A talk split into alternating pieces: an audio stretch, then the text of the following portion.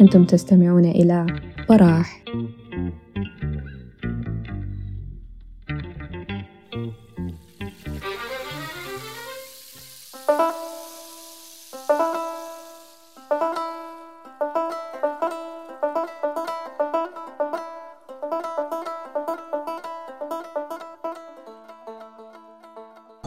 عليكم كلكم يا شباب.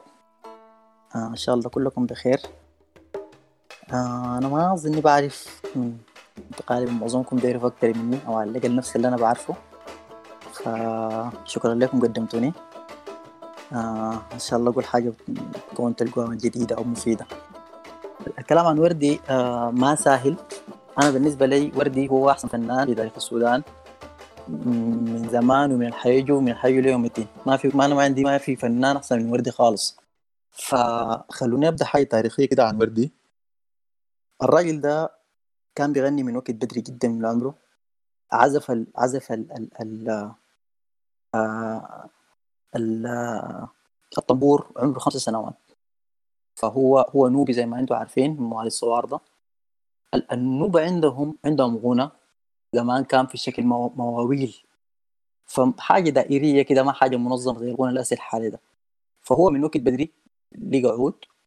طبعا زي ما عارفين وردي وردي يتيم. أمه أمه آه متوفت آه أبوه تقريبا بعد سنة من من من, من ولادته. ابوه توفى عمره 8 سنوات. فربوه اجداده وأعمامه.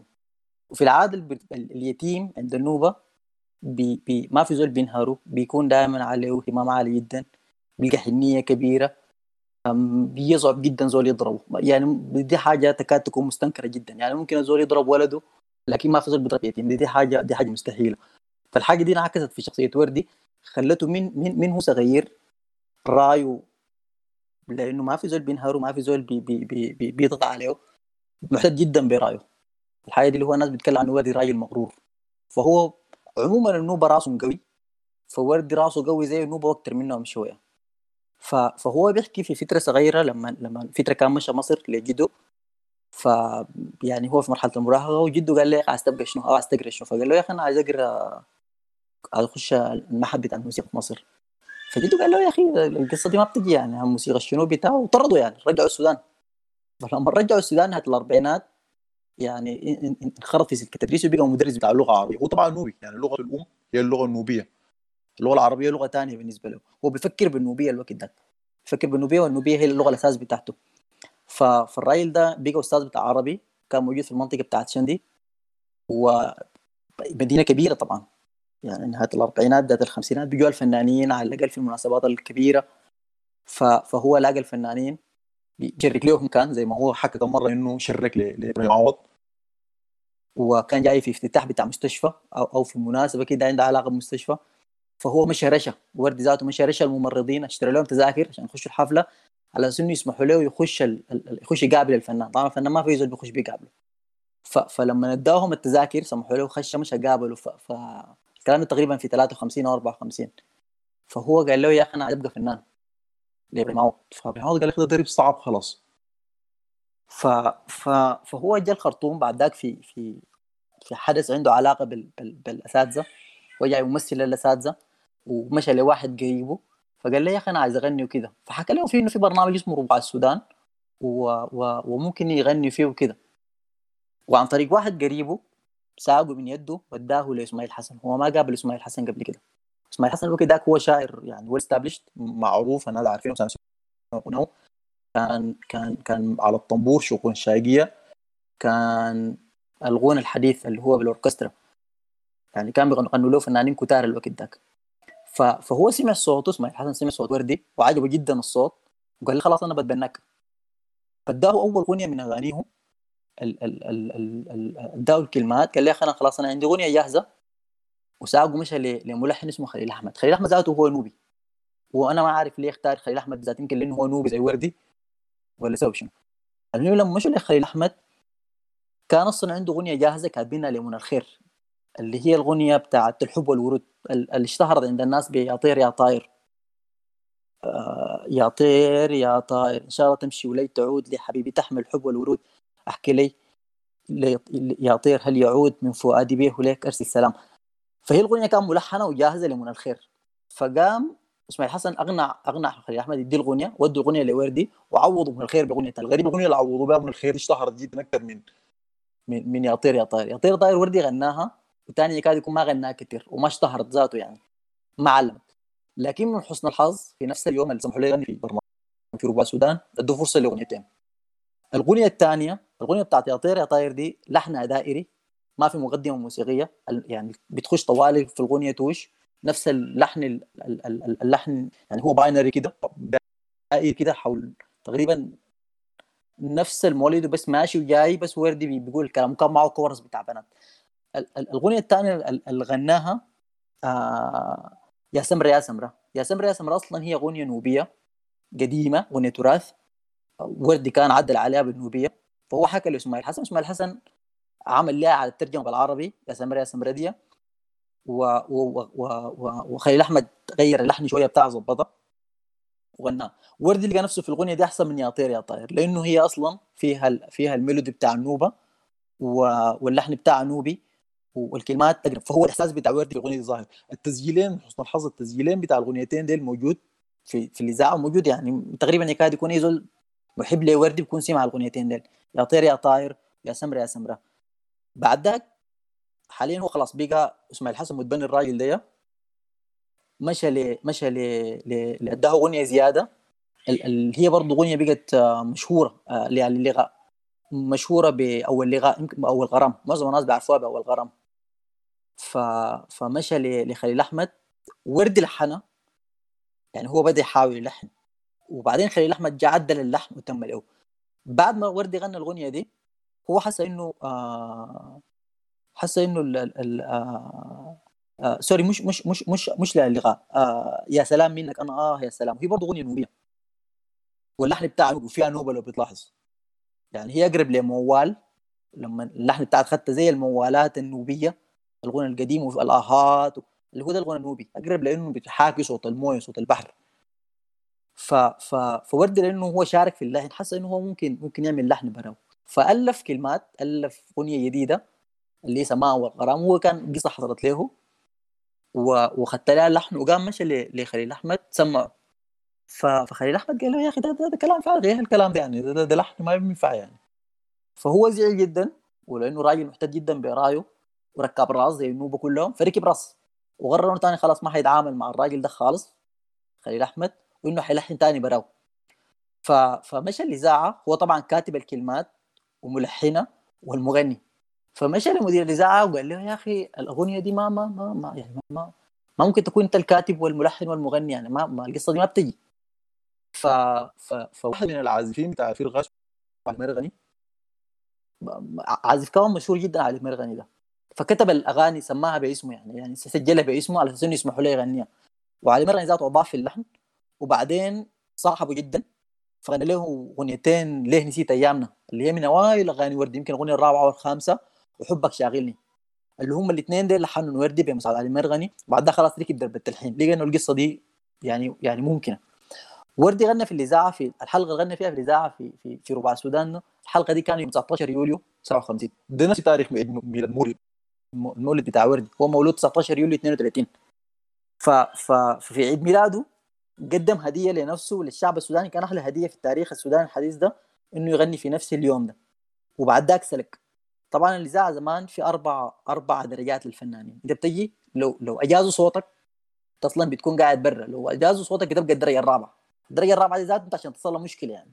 لأنه أنت لازم تغني أغنيتين أو ثلاث من نفسك من, من أغانيك وبتقعد ثلاث شهور خلال الثلاث شهور دي لازم تنتج أغنية إضافية. بعد ذاك بتيجي لجنة اللجنة دي بتقرر إنه والله يا أخي الأغنية الإضافية اللي انتجتها خلال الثلاث شهور دي مقبولة ولا ما مقبولة؟ لو مقبولة بيقوم يسجلوك في الدرجة الرابعة. اللي هو مسموح لك تغني أغنية واحدة في الشهر تقريبا. ف ف فبين يوليو 57 لحد السنة اللي بعدها 58 لحد نهايتها كده وردي كان غنى 21 أغنية. في في يعني أقل من نتكلم عن أقل من 10 شهور تقريبا 10 ل 11 شهر. يعني الراجل ده كان بيغني تقريبا اغنيه أغنيتين في الشهر. ودي حاجة صعبة جدا. معظم الأغاني في الفترة دي من إسماعيل حسن آه باستثناءات بسيطة جدا.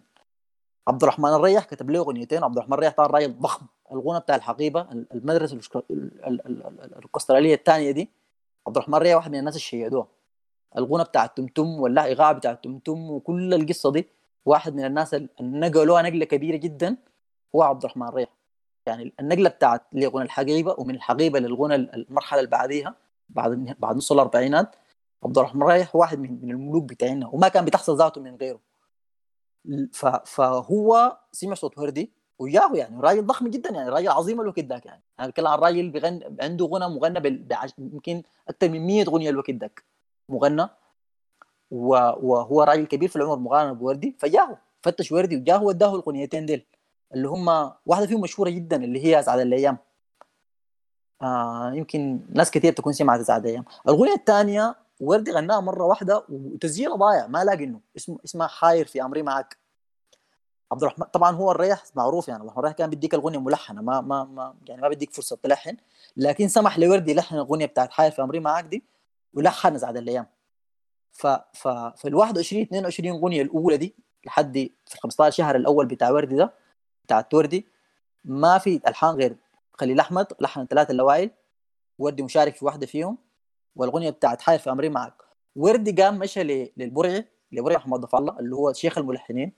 تقريبا يكاد يكون واحد من أحسن الملحنين في السودان وواحد من أحسن الناس اللي عزفوا عود في تاريخ البلد دي. فمشى له بواحدة من اغاني اغاني أغاني إسماعيل حسن الكبيره الوصية. أنا ما اعرف بالضبط ما معروف بالضبط وردي ليه مشى له الوقت ذاك هو عنده 17 18 اغنيه ما معروف ليه وردي مشى لبرعي وطلب منه يلحن له. لكن أنا باقي لي هو مشى له عشان عشان يتعلم منه. يعني هو ما كان عنده مشكلة وردي كان بيتعلم أصغر عازف كان ممكن يقعد يتعلم منه أصغر حاجة دقة بتاع الدربوكه عزفه بتاع عود ما عنده مشكلة. ف... ف... فالوصية دي اللحن بتاعها يعني مختلف تماما من بقية ألحانه ونقلته نقلة كبيرة شديد. ال ال ال ال الوصية غنى بعديها يا ناسينا لما غنى الوصية ويا ناسينا الوقت ده هو عنده 22 23 اغنيه الكلام ده نهاية 58 ف فمدير الاذاعه قام ناداه. ناداه قال له أخذ معه موعد قال له تجيني كده الساعة كده. مشى له وردي. مشى لقى في المكتب قاعدين معاه اللي هو كان كان الوقت ذاك متولي عيد ليه قاعدين معاه الكاشف وحسن عطية وعثمان حسين تقريبا وأحمد مصطفى.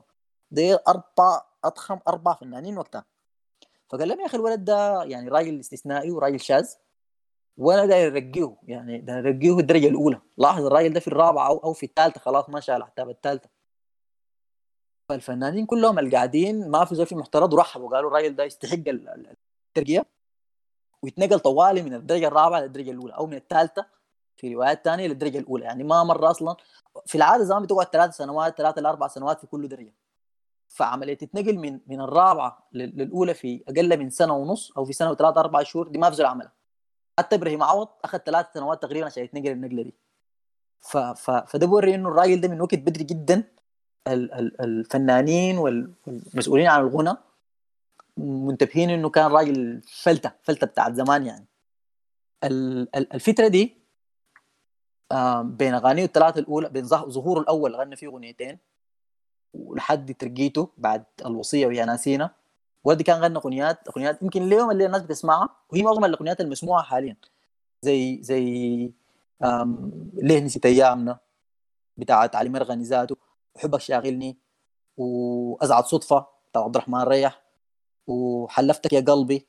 صدفة. الصدفة دي ورد غناها في 58 تقريبا. يا حلو. بتاع إسماعيل حسن. الحبيب قلبه طيب. العوازل. اسالوا والأغنية المشهورة جدا نور العين اللي هي اليوم اللي الناس بترقص عليها. ويا ناسينا آه يا ناسينا تقريبا عبد الوهاب حسن عبد الوهاب الشاعر بتاعها. وسليم الزوق يا سليم الزوق لو تعرف الشوق تنزل يوم من علاك الفوق. وحب حرمت الحب والريده وبعد ذاك آه آه حتى أغنية لو بهمسة. الأغنية الأولى ظهر بها وردي الراجل ده الملحن. ما يستوعب صوت وردي كويس. خدت وردي في طبقة وسيطة خفيضة جدا. وردي طبعا صوته صوته واسع بيقدر يطلع طبقات عالية. هو صوته أعلى التنور أعلى أعلى طبقة بتاعت الصوت الريالية. فهو بيقدر يطلع طبقات عالية جدا. لو لاحظتوا الأغاني بتاعته ال ال ال أنا ذكرت جزء منها دي بعضها ملحنه على طبقة صوت عالي جدا. لكن لو بهمسه غناها في نهاية 58 جي رجع عملها بطبقة خفيضة جدا. لأن الأغنية بتستحق الحاجة دي.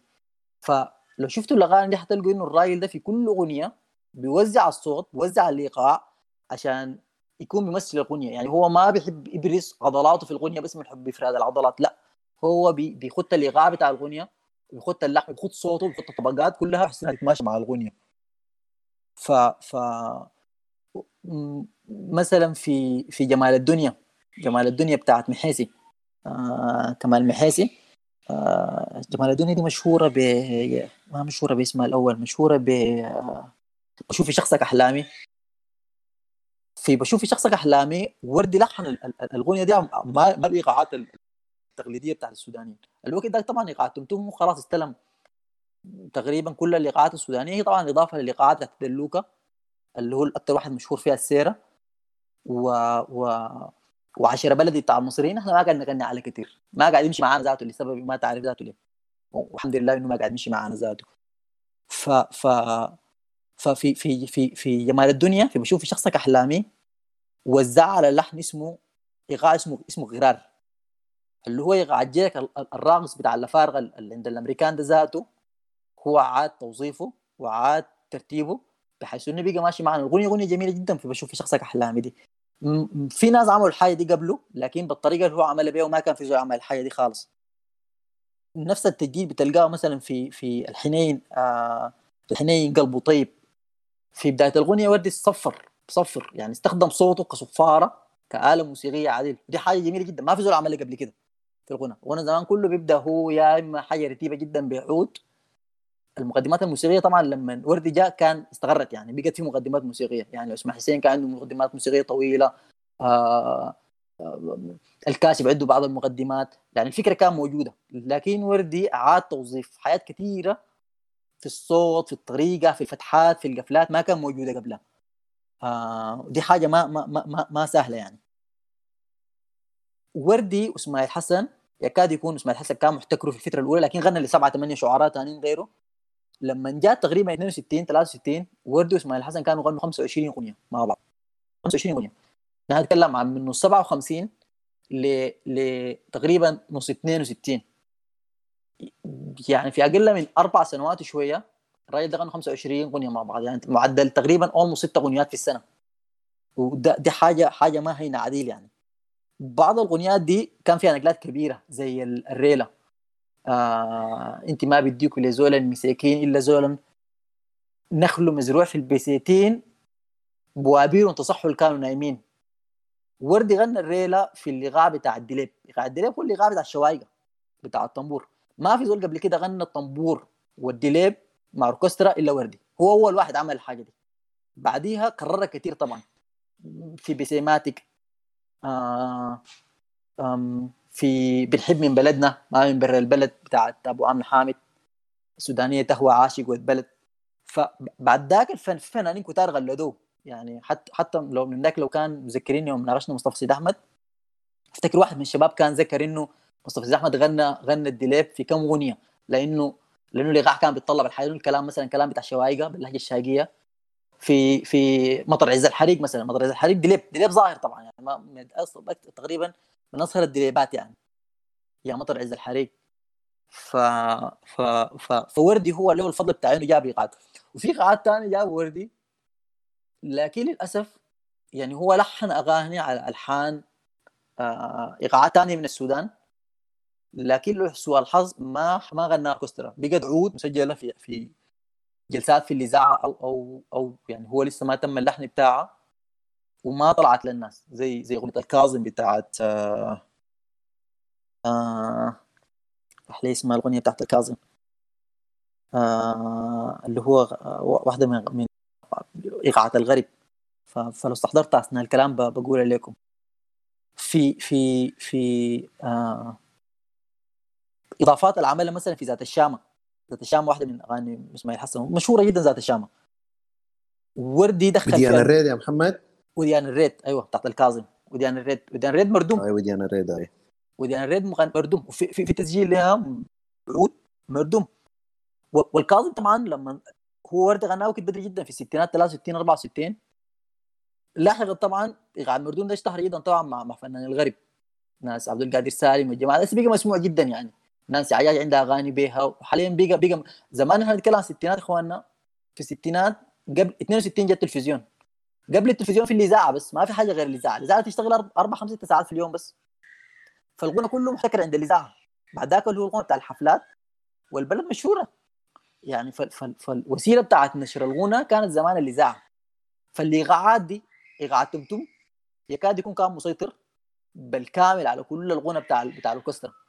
فالنقلات اللي عملها وردي الرق بتاع بتاع الرق ده ما جانا من ما جانا من من من من, من آه في ناس بيفتكروا إنه جانا من بوب مارلي والجماعة دي لا الايقاعات النوبية القديمة بتاعت العود مش العود الطنبور. الطنبور ده موجود في في جزاء كثيرة من السودان. يعني موجود عند الشوايقه تحت موجود فوق في المناطق بتاع الضنقله موجود فوق في المناطق بتاع الصوارده وحلفة موجود في مناطق الشرق. آه بيختلف شكل الجهاز. الآلة ذاتها شكلها بيختلف. الأوتار ممكن تكون مختلفة. طريقة الشد بتاعته مختلفة. والعود في العادة اللي بيغنوا بالعود صوتهم بيكون حاد جدا. لأنه هي وتر آلة مشدودة. فانت صوتك لو ما عالي خالص ما تقدر ما تقدر تتبعها عيب الوحيد طبعا زي ما أنتم عارفين طنبور ما آلة يعني وترية غنائية. فصوته بيطفي في ال في ال في, ال في ال مع الأوركسترا. وردي في واحدة من اغانيه في الوود لما الوود طبعا عندها الحركة دي عند وردي كثير بيكون عنده لحن للأغنية لحن كامل بأوركسترا كاملة وبعدين بي بي بيعيد إنتاجه بطريقة ثانية واحدة من أشهر الأغاني الحاجة دي حصل فيها الود عنده كان لحن أول. غناها في حفلة. بعدين اللحن يبطلوا خالص وحصل التوزيع بتاع اللي هو ما توزيع actual يعني اللمسات بتاعت اندريا رايدر وهو ده كان فن يعني كان موسيقار مشهور جدا في مصر ويوناني فوردي مشى له وهو بيحكي القصة دي كثير في تسجيلات له يعني في الإذاعة وفي التلفزيون بيحكي إنه هو مشى وقال للبوابه أنا عايز أقابل الراجل ده. فالبوابة قال له تقابله ليه يعني؟ عندك موعد؟ ما عندك موعد ذاته؟ ما, ما بتقابل الراجل ده. ما راجل يزول بيجي يقابله من الشارع؟ هو ألح عليه ودخل. فقال لي مجموعة من الفنانين متجمعين عنده افتكر عبد الوهاب وصباح وكده زول ثاني من الفنانين الكبار وهو ما شايل عود. فقال له يا أخي أنا فنان من السودان وكده وداير دايرك تعمل لي حاجة يعني.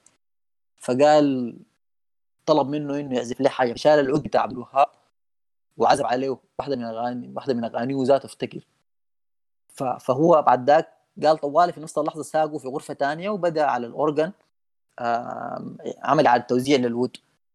آه، في الود لو بتلاحظوا التسجيل الأساسي بتاعه في طنبور. لكن صوته خفيف جدا لأنه الطنبور مشكلته بقية الآلات صوتها دائما بيكون أعلى فصوته بيطفي. آه لحد نهاية الخمسينات تقريبا في 58 زي ما عارفين في نوفمبر حصل الانقلاب بتاع عبود. الوقت ذاك وردي وعيه السياسي ما عالي خالص لأنه هو في النهاية كان عايش في الأغاليم ووسائل نقل المعلومة ذاتها محدودة يعني. ف ف ف فغنى غنى ل 17 نوفمبر إسماعيل حسن كتب له اغنيه 19 نوفمبر للإنقلاب. فهي زي تشكير للثورة كده. لأنه طبعا وردي في رأسه الثورة بتاعت يوليو بتاعت مصر بتاعت 52 وردي طبعا عاش فترة في مصر في في في الثلاثينات وفي الأربعينات. فترة بسيطة يعني لكن والناس اللي قاعدين فوق في في السودان في الشمال فوق ارتباطهم بمصر كان كبير. لأنه في أهالي ممكن يكون عندك ولد عمك قاعد في الحدود في الصاد الثاني فالناس بتمشي وتجي. والوقت ده ما, ما في يعني مصر والسودان هم دولتين لكن ما في حدود بيناتهم. يعني صح بتختم لك على ورقة وبتدخل لكن في النهاية بيعتبروهم دولة واحدة. الاثنين اثنين محتلين دولة واحدة. المصريين كانوا بيقولوا ملك مصر والسودان بصورة غير رسمية طبعا. هم المصريين عدل الدستور أضافوا حكايه ملك مصر والسودان دي تقريبا في في في 51 قبل شهور بس من انقلاب.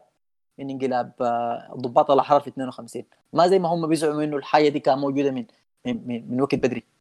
آه على أي حال لما غنى الانقلاب بدوا بدوا الناس يقاطعوه. يعني بدأ لما نمشي يغني في الجامعة الشباب الطلبة بي, بي يعني طبعا الطلبه من الأول من بدري جدا الشباب طبعا ثوريين يعني. من بدري جدا عارضوا الانقلاب. فبدوا يقاضوا غناه وكده وهو حس إنه في حاجة ما ما سليمة في القصة دي. ف... ف... فبعد ذاك بدا يستوعب. في الفترة دي وردي بطل يغني اولموست بقى ما بيلحن ما قاعد يغني حاول يفهم الحاصل. في 59 طبعا حصل التوقيع بتاع اتفاقية مياه النيل واللي هي بعدها جاء موضوع إغراق حلفا وتهجير الأهالي. وهذه طبعا ويعني يكاد يكون محسي لكن الأراضي بتاعت حلفا دي هم مرتبطين بها ارتباط كبير جدا. فبدأ يطلع في المظاهرات. الوقت ده هو بقى مستغل في الخرطوم خلاص.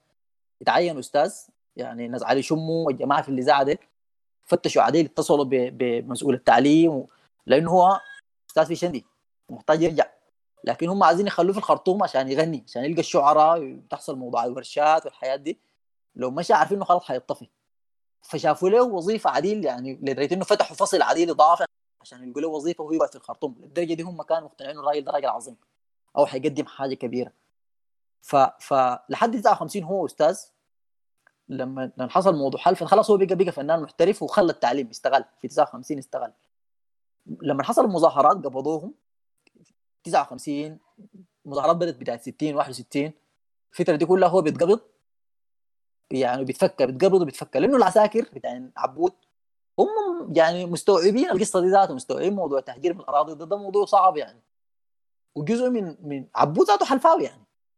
يعني وجزء منهم محس في ضباط الكبار والضباط العظام في مجلس الثوره مجلس عبود هم في النهاية يعني من المناطق دي يعني معظمهم. فهم مستوعبين مفتكرين إنه ده أمر بتاع دولة ودي مصلحة الدولة العليا. لكن الناس دي يسمحوا لهم يتظاهروا لكن في النهاية قدر محدود يعني. حاجة كده تكون مسيطر عليهم. والعساكر زي ما عارفين هم اتجاه واحد يعني. في النهاية ما داري الزول يقول لهم لا. بغض النظر عن كان زول خليك من شغل شفع بتاع جامعات زي ما بيتقال يعني. ف ف فوردي في فترة لحد ما في 60 غنى اللي هي من أعظم الأغاني بتاعته في المستحيل. المستحيل دي أغنية أغنية فريدة جدا في غنانا لأنه في المستحيل أول مرة لو لو لو سمعتوا التسجيل القديم فيها بتلقوا الكوبليهات متغيرة. ال ال ال ال في تغيير في الكوبليهات. في جسور الجسور بتمشي وتجي اللحن ذاته الكوبليه ذاته حتى الموسيقى بتاعته لو اتكررت بيكون في حاجة متغيرة. تلقى في جيتار زايد في كمان زايد. وردي ذاته بصوته بقى صوته آلة. المستحيل اغنيه اغنيه حاجة مدهشه جدا. اتغنى تقريبا في 60 لحد الوقت ده علاقته مع إسماعيل حسن كويسة لكن بدأت تسوء شوية شوية. لأنه إسماعيل حسن كان مؤيد ل... مؤيد ل... ل... للنظام بتاع عبود أو ما معارض بالاصح هو طبعا كان موظف في في المشاريع الزراعية في سنار بتاعت ناس الشريف الهندي. والشريف الهندي متزوج منهم أو هم عنده علاقة بتاعت نسب مع أحمد خير. وأحمد خير وزير الخارجية بتاع نظام عبود. فهو بيفتكر وردي كان يفتكر إنه والله عشان أحمد خير علاقته بين الشريف الهندي هو ما داري يكتب أي حاجة ضد الجماعة دي ولا يكون في أي غنى ضدهم. ف... ف... فشويه شوية العلاقة بدأت تسوء لأنه وردي مؤيد مؤيد المظاهرات وكل فترة بيتمنع من الراديو.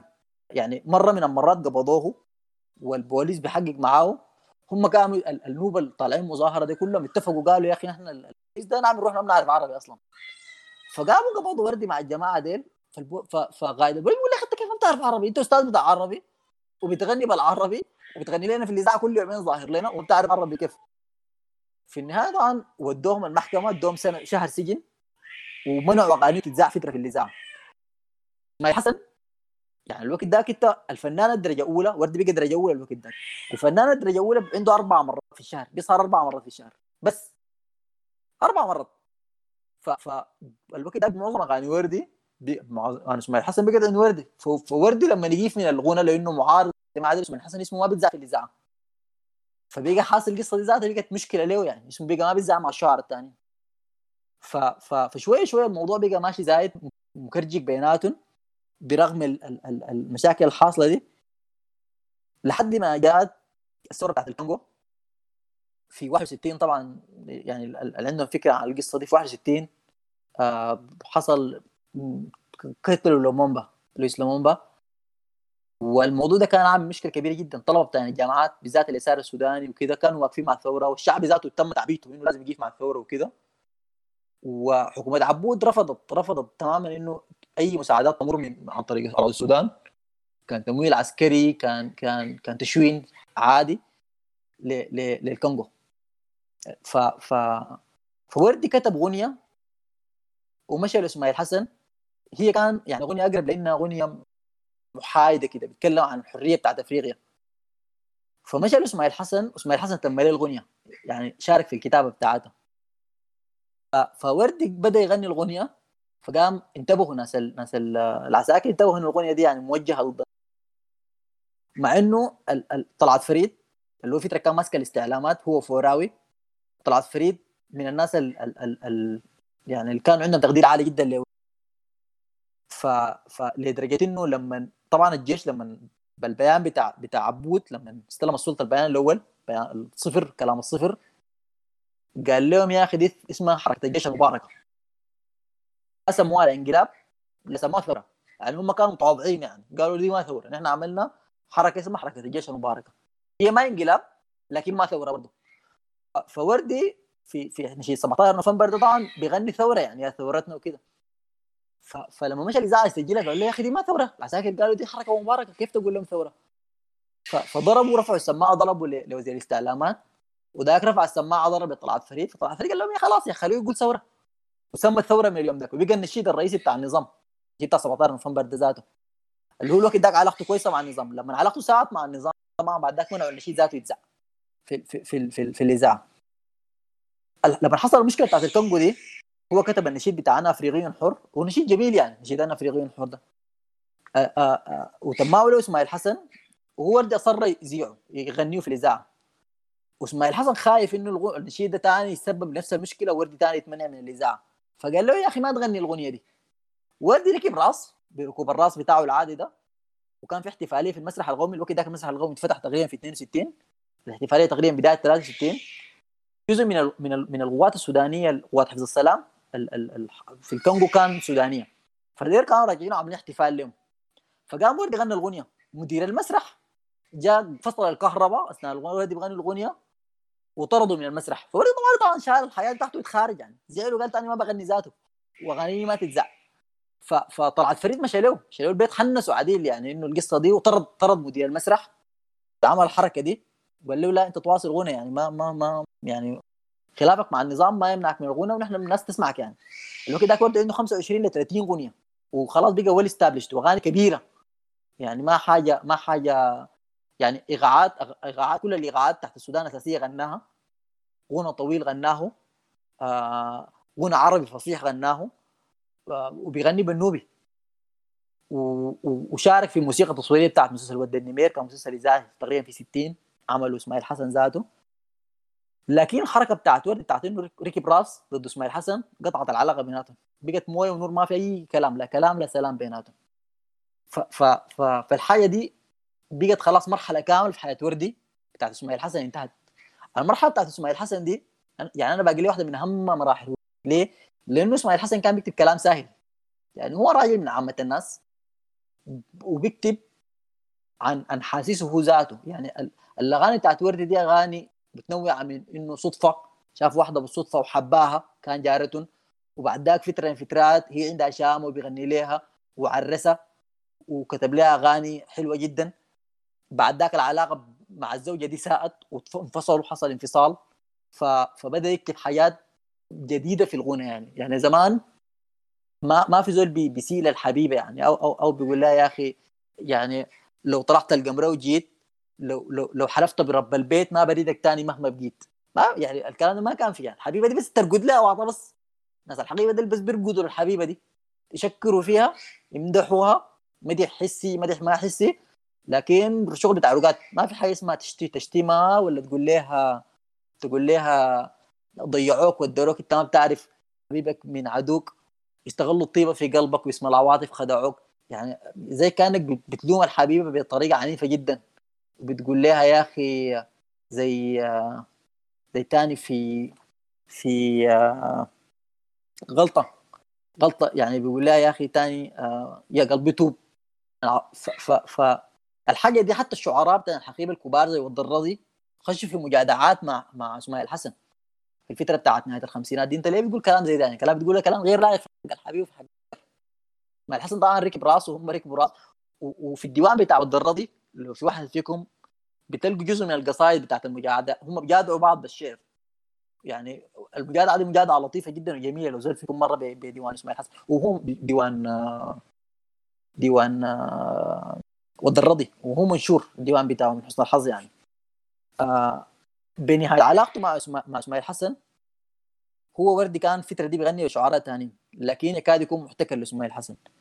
فهنا بقى خلاص مضطر يتعامل مع شعراء ثانيين آه ف ف ف وأنا قلت أصغن غنى أصبح الصبح. تقريبا كانت أول اغنيه غنت لأكتوبر لأنه هو أصلا كان شبه جاهزة. هو بس رجع تماها وعدل فيها بدل ما هو انت يا أفريقيا يوما علينا بقت ما هو انت يا سودان يوما علينا. كانت الأيام الأولى بتاعته. بقت تقريبا ايكون بتاعت أكتوبر. آه أصبح الصبح دي. الفترة دي من 64 65 غنى أغاني وطنية كثيرة. نحن رفاق الشهداء. دي غنت مؤخر متأخرة شوية.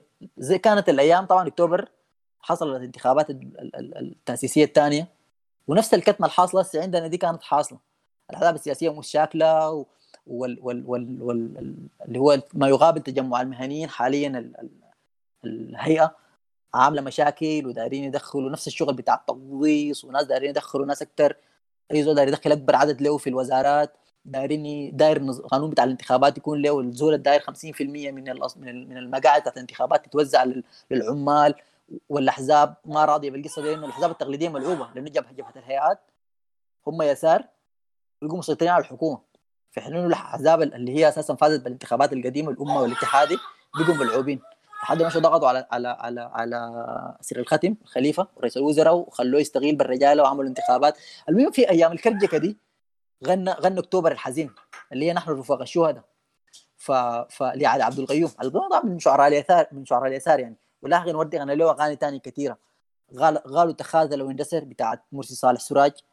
آه بعد ذاك لقاءاته الكبيرة مع مع مع محمد المكي إبراهيم أكتوبر الأخضر اللي هي مشهورة بالمتاريس. إني أؤمن بالشعب حبيبي وأبي. آه بعد ذاك رايه أكتوبر.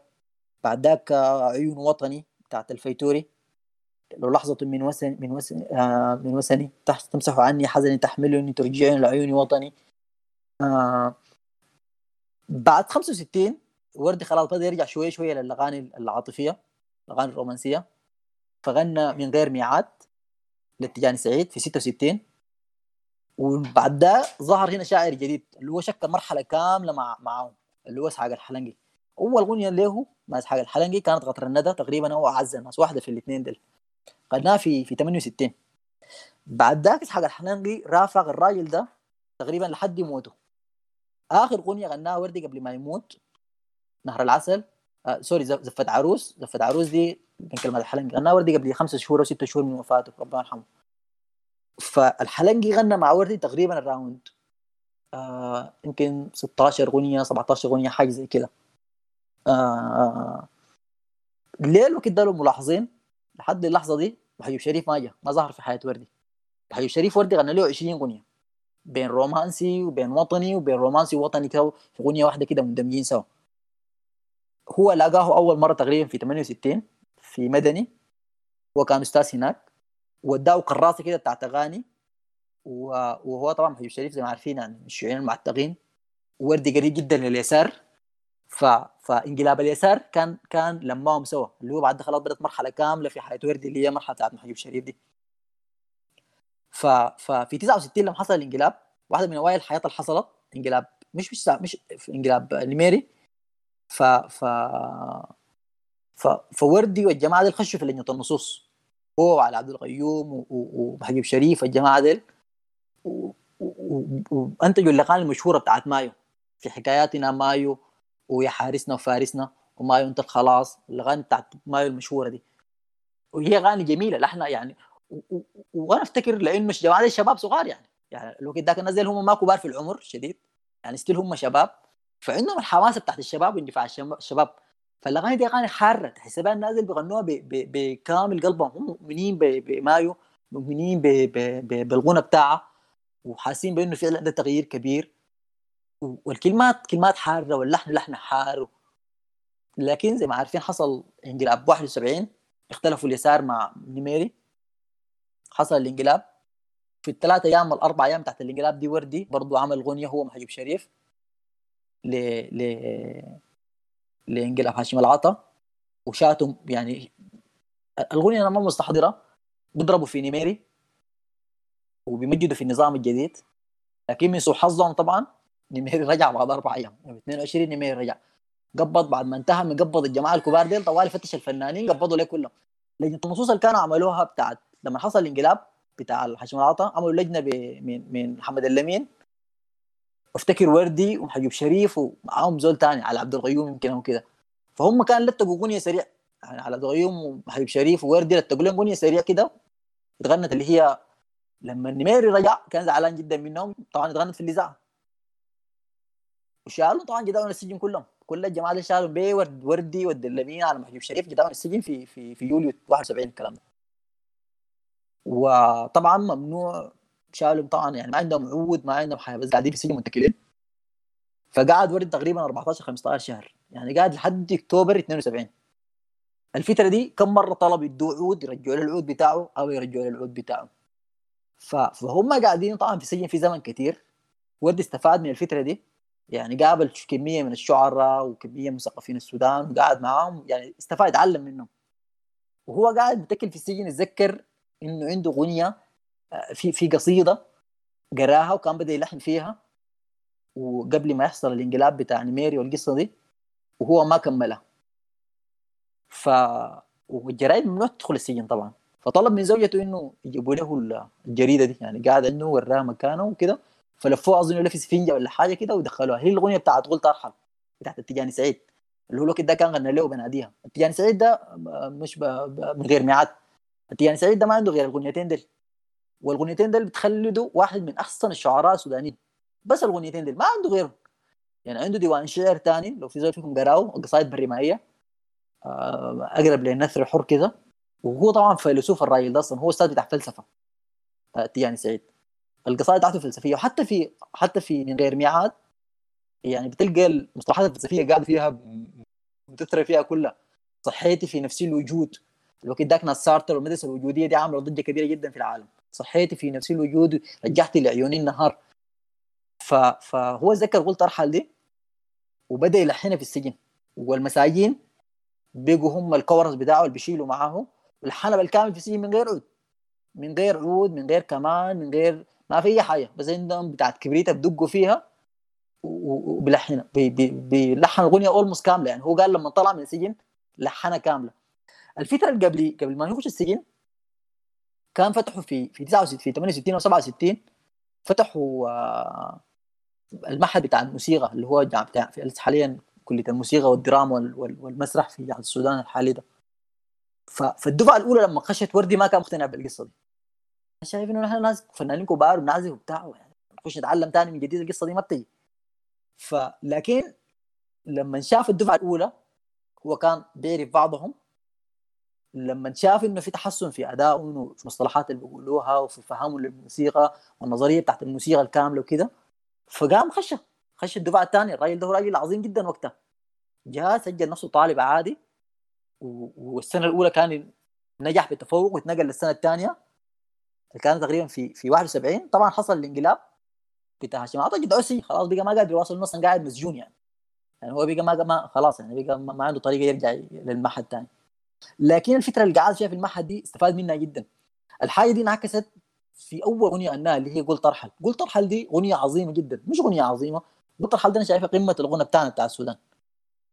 ما ما في حاجة زي قلت ارحل دي. يعني القفلات الدخلات الجسور الرابطة بين الأغاني صوت وردي ذاته وبقى آلة موسيقية. آه الكلام ذاته لو شفته يعني بيقول في جزء قلت أرحل في حتات بيقول رحلت وجيت من غير قلته لأنه يديك إحساس إنه هو والله خلاص هو فعلا يتنقل من الحالة بتاعت إنه بيهدد فيها إنه يرحل أو أو بي بي بي بيترجاها إنه حيرحل وفعلا قام رحل.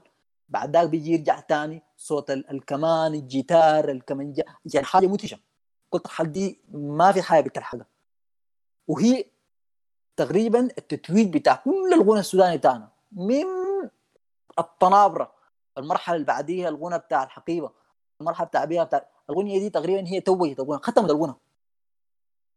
قلت الحل دي بعديها خلاص الفنانين ذاته اقتنعوا إنه خلاص ده ده, ده السقف. ثاني ما في زول بيفوت. ورد ذاته ما فات السقف.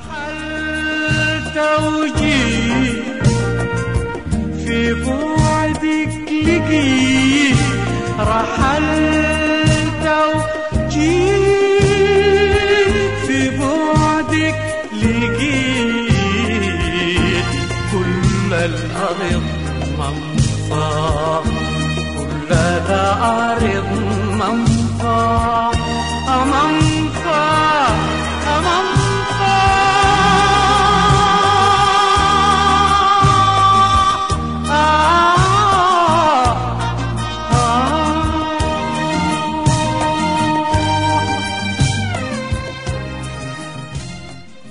هو غناها في 72 يعني طلع أول ما طلع غناها في 72 في نهايتها.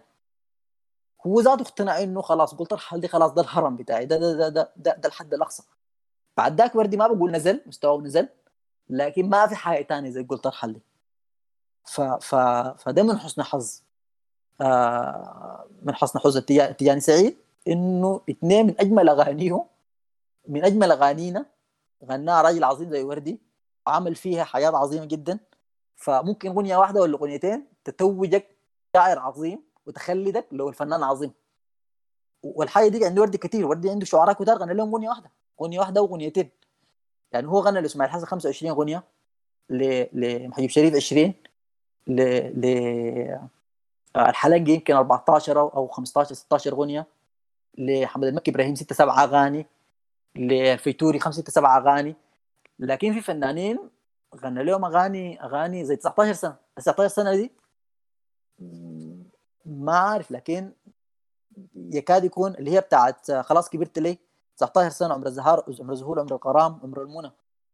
بتاعت حسن عبد الوهاب. في زول فيكم سمع بحسن عبد الوهاب ده؟ ما تخجلي حسن عبد الوهاب ده بس ما تخجلي دي خلدته خلاص. أي زول سمع ما تخجلي ممكن يكون ما عارف شعير ابنه لكن لو مش يدور حيلقى في واحد اسمه حسن عبد الوهاب. ما حتلقى يعني وذاته كان زول في بورسودان وكان بيجي من بورسودان عشان وردي. يعني كان بيجيه عديل يعني بيجيه يقابله وبيدي شعره. فحتى الأغنية كانت 16 سنة زي ما وردي حكى كم مرة. كانت 16 سنة بعدين واحد من اهله لما هو هو دندن لهم قال له يا أخي 16 سنة دي قاضي واحد من أهل القضاء والمحامين. قال 16 سنة دي بتدخلك السجن بالقانون لأنه تحت السن القانونية. بقى 18 سنة وبعدين وردي اختار 19 سنة عشان عشان تكون ماشي أكثر من من 18 سنة. ف ف ف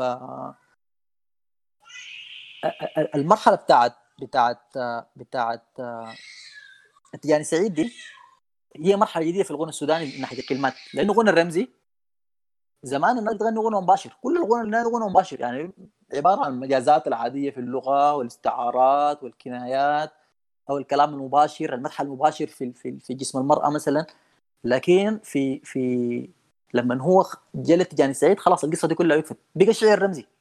والحاجة دي اتكملت ب بالشعر بتاع الدش لما جا غنى بناديها والود والحزن القديم هو غنى أربع أغاني للدش الأغاني الثلاثه دي أغاني كبيرة.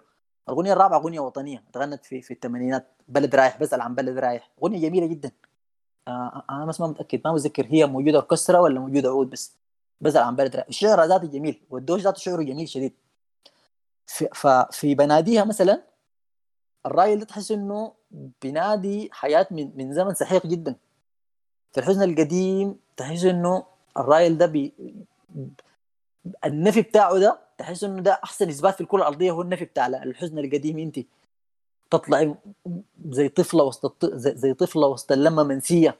تطلع أنت من غابات ومن وديان ومني أنا حاجة جميلة جدا. ف... فده بيوريك إنه الراجل ده وردي لاحظ الكلام ده إحنا بنتكلم عن نهاية الستينات بداية السبعينات. والألحان بتاعته الفترة دي كلها لو رجعت لها بتلقوها دي فترة بتاعت جيتاريات يعني المرحله الثانية بتاعت نص الستينات لحد بداية السبعينات. اللحن ما راقص يعني جيرك ما ظاهر كثير التمتم أقرب للتمتم هادي في معظم الأغاني يعني في الطير في في عصافير الخريف مثلا لحلنجي وردي في معظم الأغاني ما بيبدا تمتم الأغاني الطويلة قاعد يديها تمتم.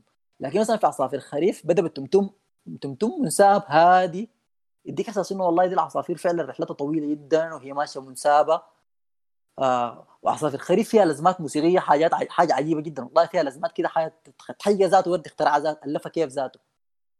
ف فترة السبعينات في العالم كله كان فترة راقصة. فبدأت هنا فترة بتاعت أغاني عنده عنده أغاني كمية في الفترة بتاعت السبعينات دي أغاني راقصة زي زي آه زي يمكن آه آه آه زي زي حتى الأغاني الوطنية أغاني سريعة يا بلدية حبوب آه آه شنو زي تاني؟ آه آه ما ما قادر أستحضر رحلي أغاني بتاعت السبعينات بتاعت السبعينات الأولى دي.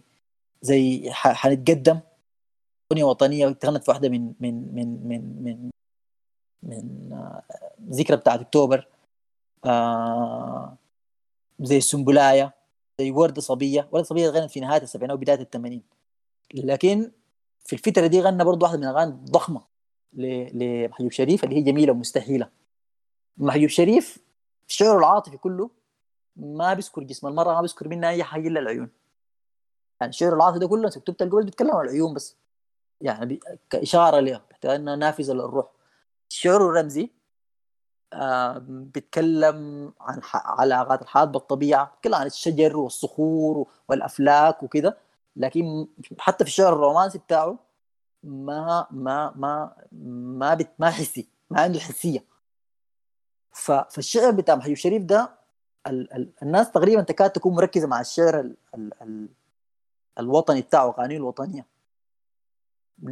والشعر الرومانسي بتاعه ما مركز. يعني السنبلايه دي مثلا ناس كثير جدا ما سمعتها. جميلة مستحيل الناس سمعتها لانها في تسجيلات حديثة لها واللحن بتاعها جميل وأغنية كبيرة الناس سمعتها. لكن عنده أغاني كثيره جدا آه يعني أنا ما أعرف ليه لكن حاجة غريبة جدا يعني. ف ف ف فالناس لو لو لو ما سمعوا له ممكن يسمعوا له مثلا زي زي زي زي أنا مجنونك. بتغني تقريبا بدايه الثمانينات.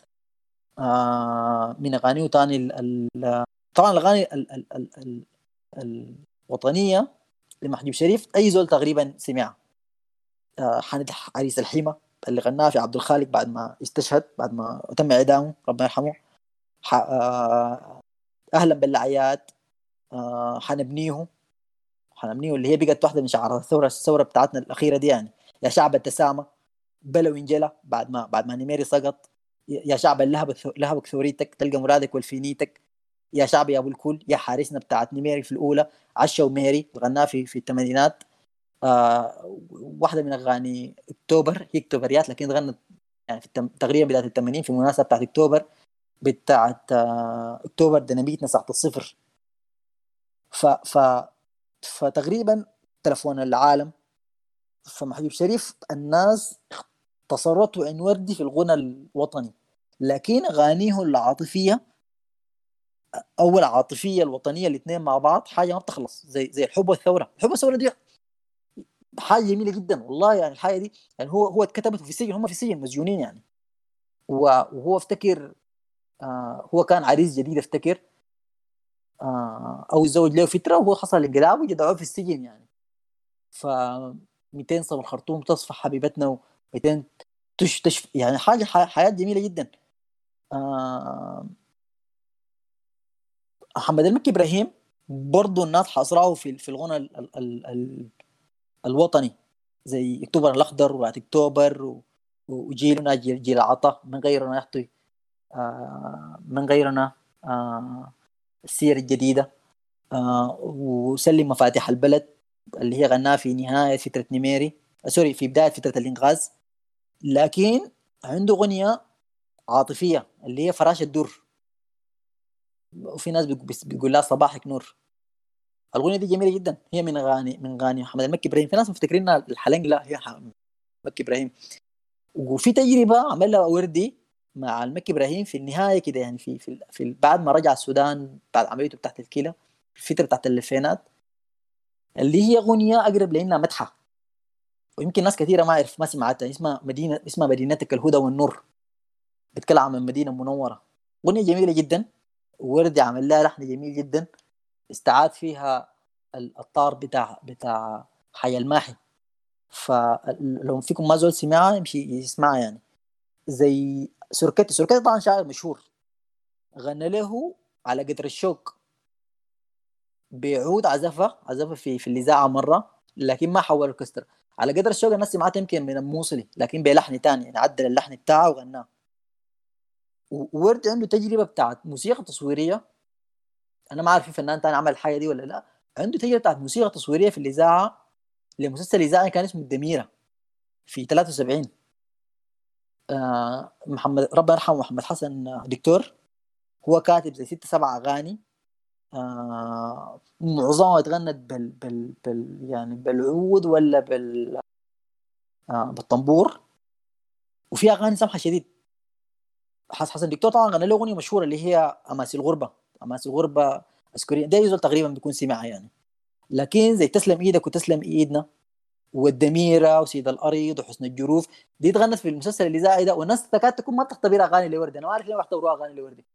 هو كلمات لحنها وغناها. المفروض نعتبرها أغاني كاملة يعني. آه أبو امنه حامد غنى له فرحة بنحب من بلدنا. آه الفرحة دي مشهورة باسم شنو يا ربي؟ فرحه دي الناس ما قاعد تقول لها فرحة. راح لي اسمها الثاني المشهور عند الناس؟ آه الحلنجي طبعا غنى له 14 أغنية بنحب من بلد وقطر الندى. وعز الناس. يلا وتعال يلا. وسافر. ويا رياني وقابلك وعصافير الخريف الحنين السكرة والصورة وفرح خلق الله. والتني آه وشمس الشموس اللي هي بيقصد في العروس آخر أغنية غناها وردي قبل ما والدموع دائما حبايبي. وعنده أغنية اسمها نجفة. برضه من أغاني وردي الأخيرة اللي هي ما عارف ليه لسبب ما الناس ما ما ما سمعتها. نجفة دي. آه أنا ملاحظ الأغاني الوطنية بتاعت وردي غناها بعد الثمانينات الناس ما سمعتها أو ما تسمعها. جزء من المشكلة يمكن ما في تسجيلات واضحة لها. وردي كان بيغناها في حفلات إذا في القاهرة ولا في أمريكا ولا ولا قبل كده معظم برا السودان لحد ما رجع في 2002 آه 2001 و2002 فواحدة من الأغاني السمحة شديد بتاعت المكاشي بخيت اسمها فتش ترابك. في كم تسجيل لها؟ في تسجيل واضح جدا لها عود وفي تسجيل أوركسترا لها. في في والناس بتشيل معاه. والله حاجة أغنية جميلة جدا فتش ترابك آه وقلبوا ذره ذره تلقانا بنحبك أكثر كل مرة نحن أولاد كفاحك. لو ما في زول فيكم سمعها يسمعها الحاجة دي حاجة يعني حاجة مدهشه جدا.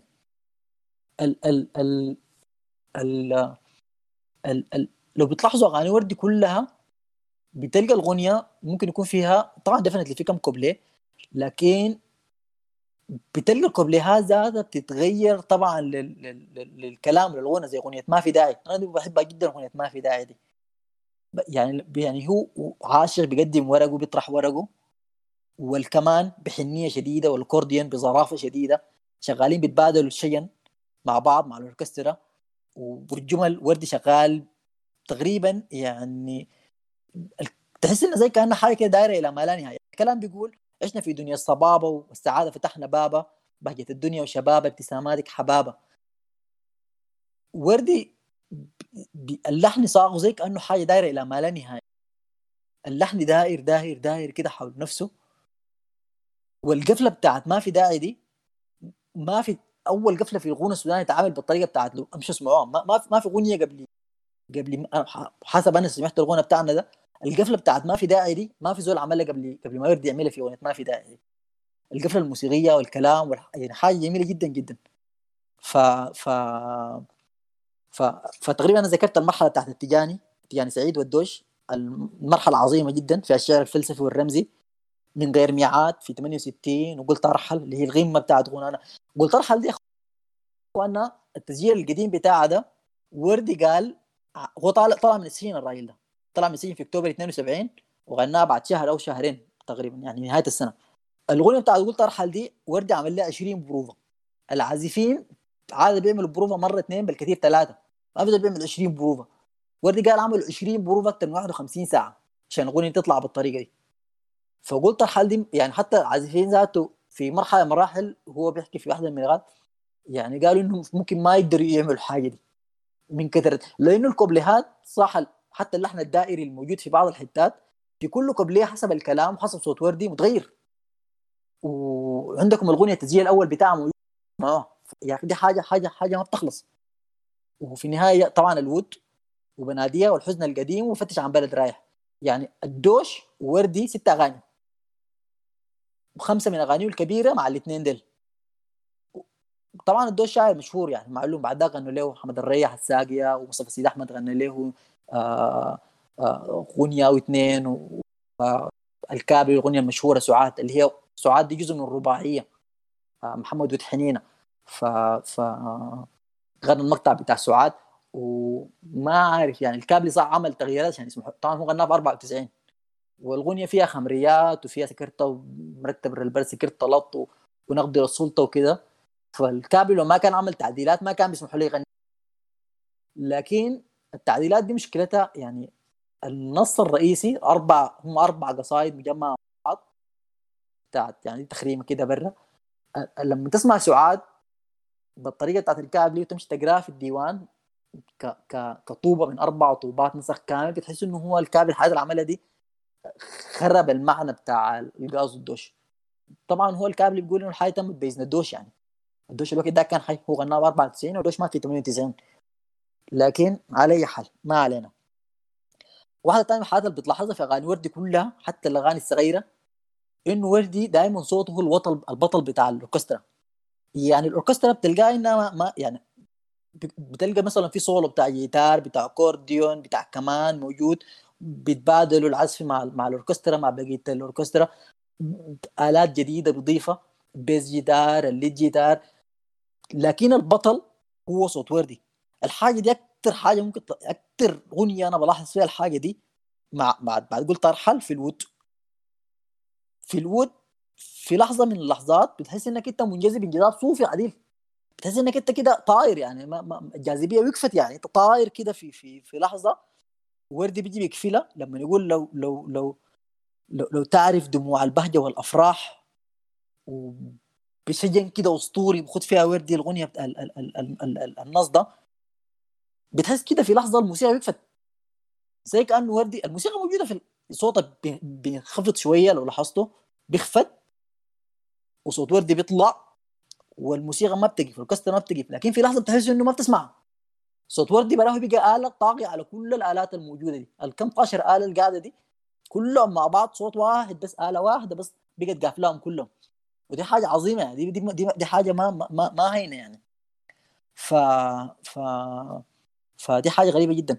زي ما قلت لكم الحاجة دي برضه بتلاحظها مثلا في التمتم بتاع بتاع عصافير الخريف إنه خلى التمتم هادي جدا في البداية عشان عشان يحاكي الحركة بتاعت بتاعت الطيور. ونفس الحاجة دي في الطير المهاجر. المقدمة الموسيقية بتاعت الطير المهاجر ورد عنده مقدمات موسيقية عظيمة عديل الطير المهاجر وعصافير الخريف و... وبناديها وقلت ارحل وجميله ومستحيلة. يمكن 15 20 أغنية ثانية فيها مقدمات طويلة أكثر من خمسة ل 10 دقائق simply المقدمات دي تخلي وردي موسيقار. يعني هو ممكن يكون ما composer لأنه هو ما هو ذاته محترف يعني. هو بيقول أنا ما بعرف كل الآلات الموسيقية وما بعرف النظريه بتاعت كل آلة موسيقية عشان يكون conductor أو يكون composer لكن الأغاني دي المستحيل والطير المهاجر عصافير خريف الخمسة سبعة أغاني دي براها من غير كل التاريخ بتاعه كافي إنه تخليهم musician عشان كده بشوف انه وردي musician ما ما مغني ما مؤدي. يعني مش هو لحن 150 160 أغنية. بس لا هو وضع لها موسيقى. وضع لها موسيقى وضع لها موسيقى تصويرية صور الكلام تصوير. يعني ال ال ال الوردي أنا في الحساب بتاعي وأنا حاسس إن عندي أغاني ما مستحضرة يعني. في الحساب بتاعي ورد عنده 164 أغنية. بين غنى نوبي بين غنى عود ما يتغنى يتعزفوا ما تم أوركسترا ما يعني ما وصل مرحلة الحين كاملة.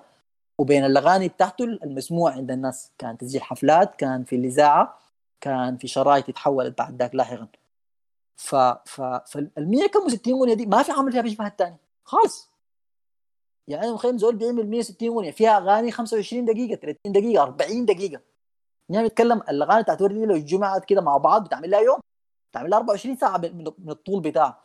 زول بيقدر ياخذ 24 ساعة في 60 دقيقة في 60 ثانية ما في ثانية تشبه الثانية الثانية. يعني دي, دي, دي حاجة يعني دي, دي حاجة طبيعية عديل ف والحاجة دي التقدير بتاعك بيزيد لما تشوف إنه وردي وردي ده لما جاء الخرطوم عمره 25 سنة. ونحن في المنطقة بتاعتنا أو, أو المناطق الشمالية كلها بتاعت السودان الايقاع الموجود هو ايقاع الرق ده اللي اقرب لشغل المدح إحنا ما عندنا تمتم. في المناطق بتاعت الشمالية دي ما في تمتم. وفي ديليب متغير من منطقة يعني الديليب بتاع الشايقية ما زي الديليب تمشي قدام شوية بتاع دنقلا ما زي الديليب بتاع فوق صوارده في اختلافات بسيطة. حتى أنت لو ما بتعرف اللغة النوبية بفرعينها لو سمعت الأغاني دي بتحس إنه في فرق بسيط في الايقاعات بين بين المناطق الثلاثه دي. فوردي متمرس عليها لأنه هو بيعزف بيعزف طنبور من من هو عمره صغير جدا. لكن في وقت بسيط جدا الزول ده قدر يستوعب إيقاعات التمتم والدلوكة. وردي عنده الدلوكة دي كم إيقاع؟ في كم أغنية في إيقاع الدلوكة؟ مختلفة يعني ما إيقاع واحد. أخذ المردوم.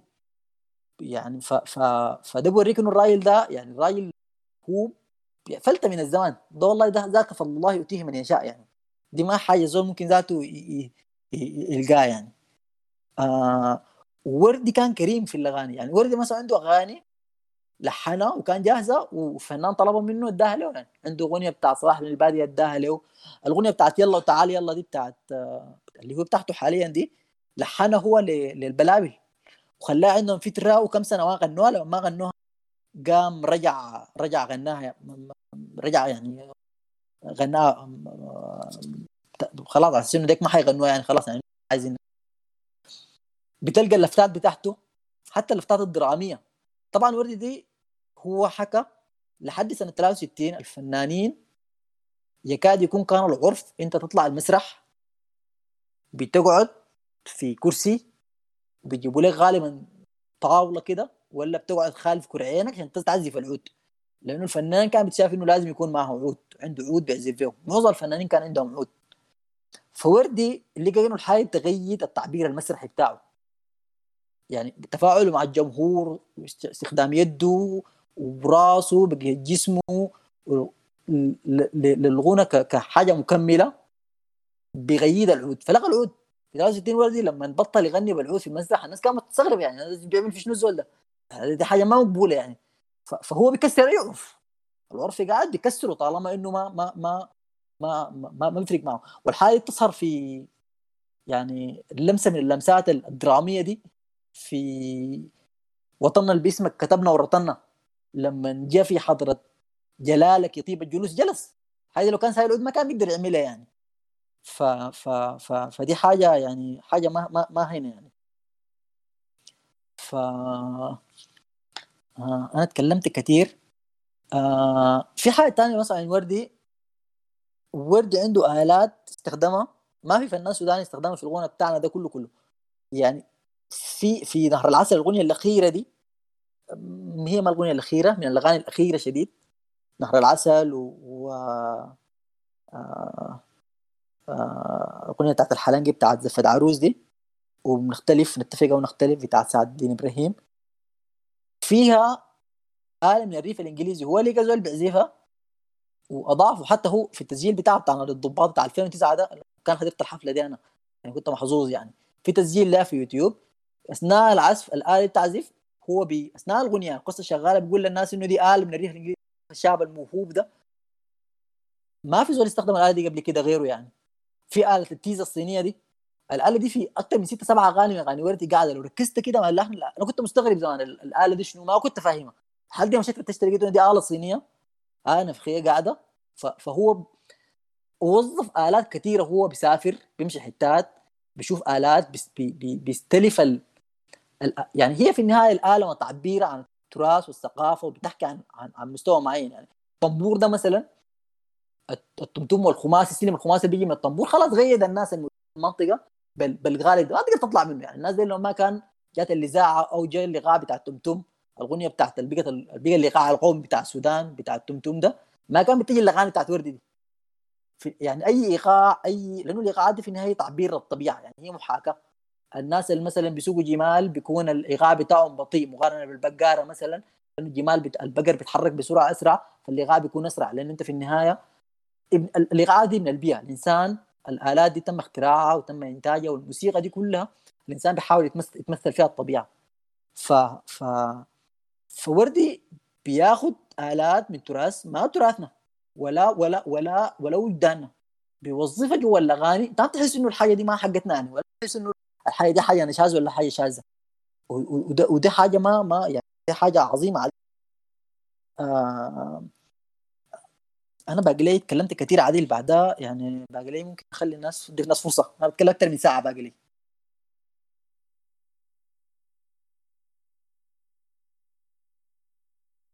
ف... ف... فممكن الناس تواصل وأنا بعدين أرجع لكم تاني. لأنه أنا أنا بريتكم عديل. والله يا محمد نحن أنا شايف غايته وأنا بتكلم عن نفسي زي ما بتكلم عن ناس كتار. نحن ممكن نست... يعني مستعد نسمعك ساعات وساعات زيادة والله. شخصيا ما حصل سمعت أغاني كثير لوردي لكن مجرد بسمع الديسكورد دي قفل أنا حفتح بس ثاني أبدأ أسمع له أغاني يعني. كلام يعني بيوصف يعني.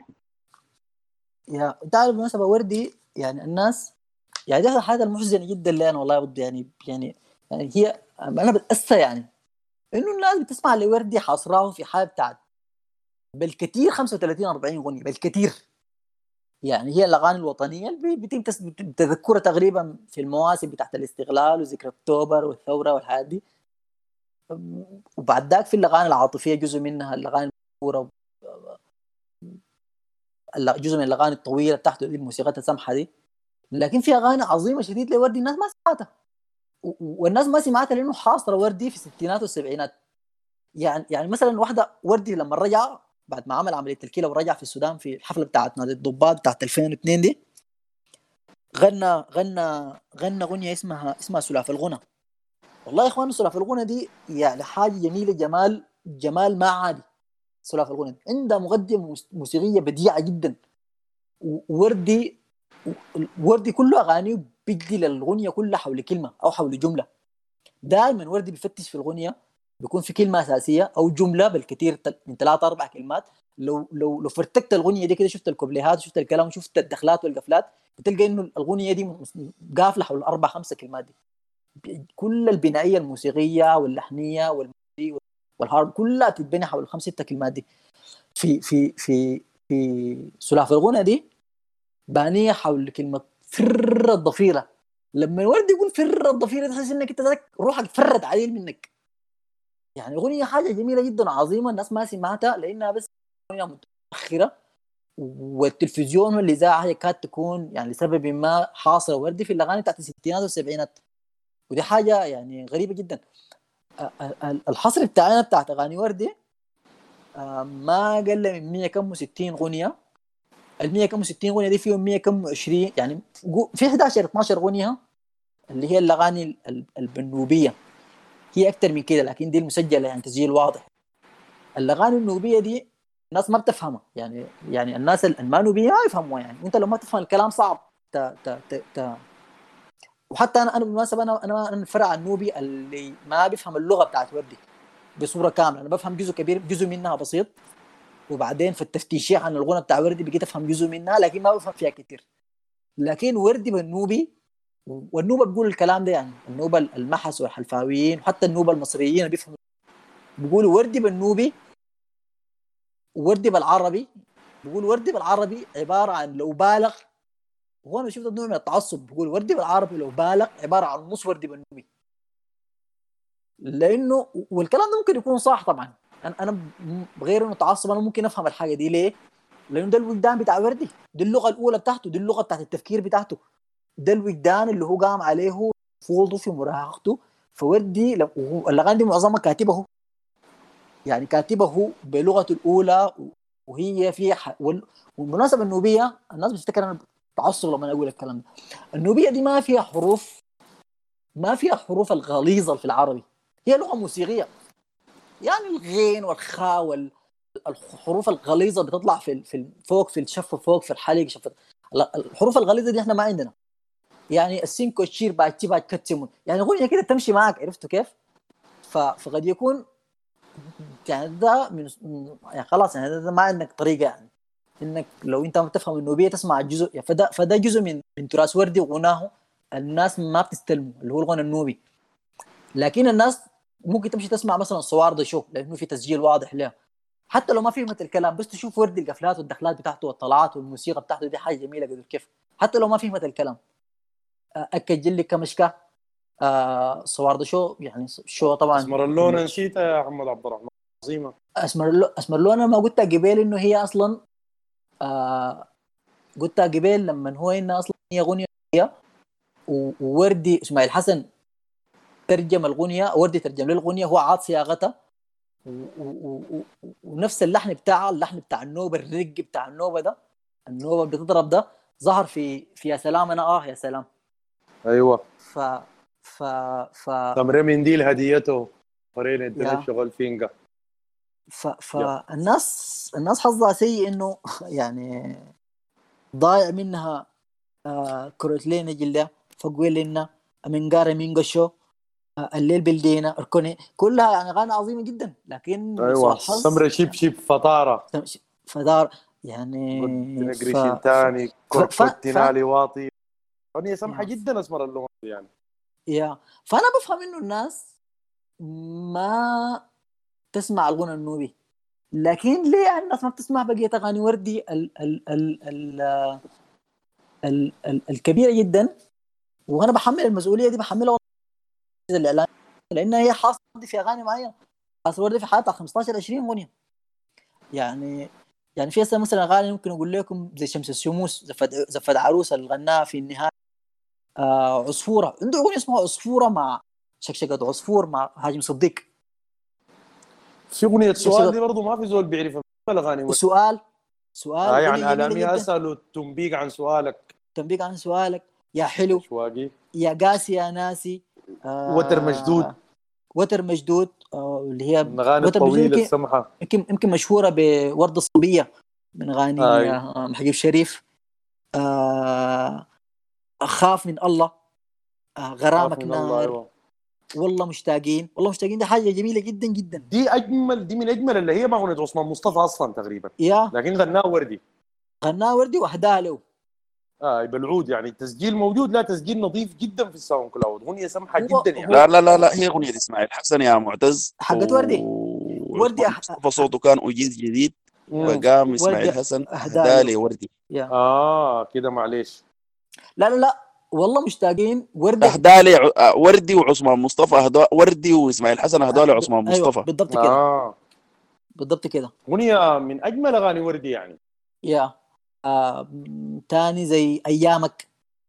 آه مرحبا يا شوق مرحبا يا شوق دي يا مرحبا يا شوق دي حاجة عجيبة خالص. أنا ما بعرف يا محمد عبد الرحمن مشهورة. ال ال ال الناس يعني عارفة أغاني وردي. ظهرت في الثلاث اشرطه بتاعت الماستر تقريبا. اللي مثلا الشريطين بتاع نادي صبابة و94 والمرسال 97 وأمير الحسن 98 أمير تقريبا. أو جميلة يا. ومستحيلة 98 99 أمير الحسن تقريبا يا. دي أكثر أغاني مشهورة لوردي يعني الباقي باقي الأغاني دي. لأنه عشان- ما طلع لها ما طلعت لها أشرطة ماستر الناس ما عارفينها الناس ما تفتش شركة منصوفون زمان ومثلا الهيئه القوميه للاذاعه والتلفزيون بتلقى فيها الأغاني الطويلة اللي أنت بتتكلم عنها دي يا حقيقي حقيقي بعدين في حاجة تانية في وردي أنا أنا أنا قبل يمكن ما ما انتبهت اقولها اللي هو وردي غنى أغاني لشعوب تانية. يعني غنى تحية للصومال. وغنى لاريتريا الصمود وغنى أريتريا الصمود. أنا قابلني مرة في السعودية قابلني كنت في السعودية قبل ثلاثة أربع سنة كده قابلني واحد لكن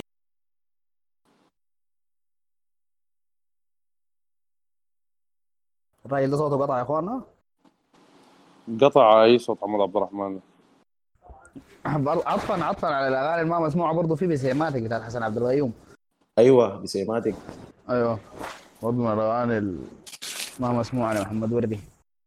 مسافة محمد عبد الرحمن يجي أنا بس عندي إضافة للالات ال- ال- ال- ال- اللي استخدمها محمد وردي. محمد وردي بالمناسبة في أول تسجيل لحرمت الحب والريبه استخدم القانون.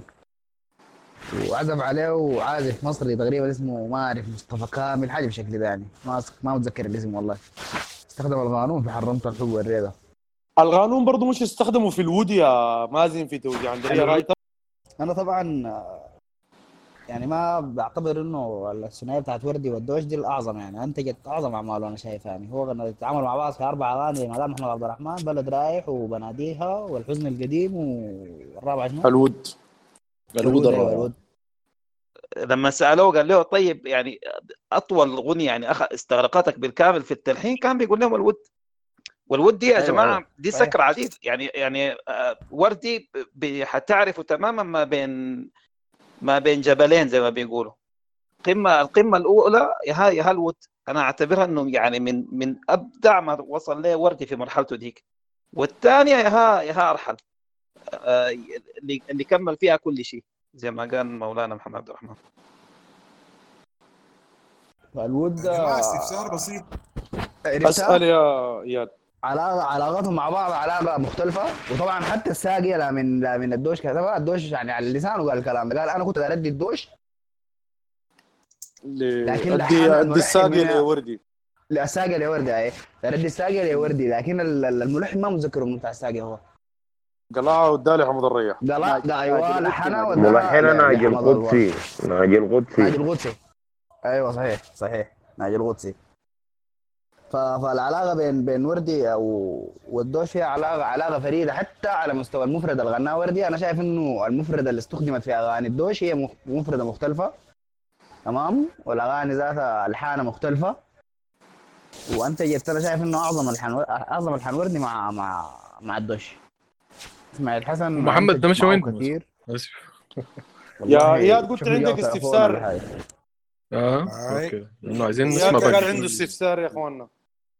لحد ما محمد عبد الرحمن يجي. 2000 في 2004 اتذكر كان مشيت اليمن. تمام؟ كان قعدت فيها حاجة فترة زي 8 شهور كده كنت متنقل فيها في اليمن. فالشيء الغريب لقيتهم كل يوم أحد بيشغلوا وردي. كل يوم لقيته وردي هو عنده علاقة كان باليمن بيجي عمل حفلة هناك حاجة عنده عنده حفلات عنده حفلات كثيرة جدا في عدن.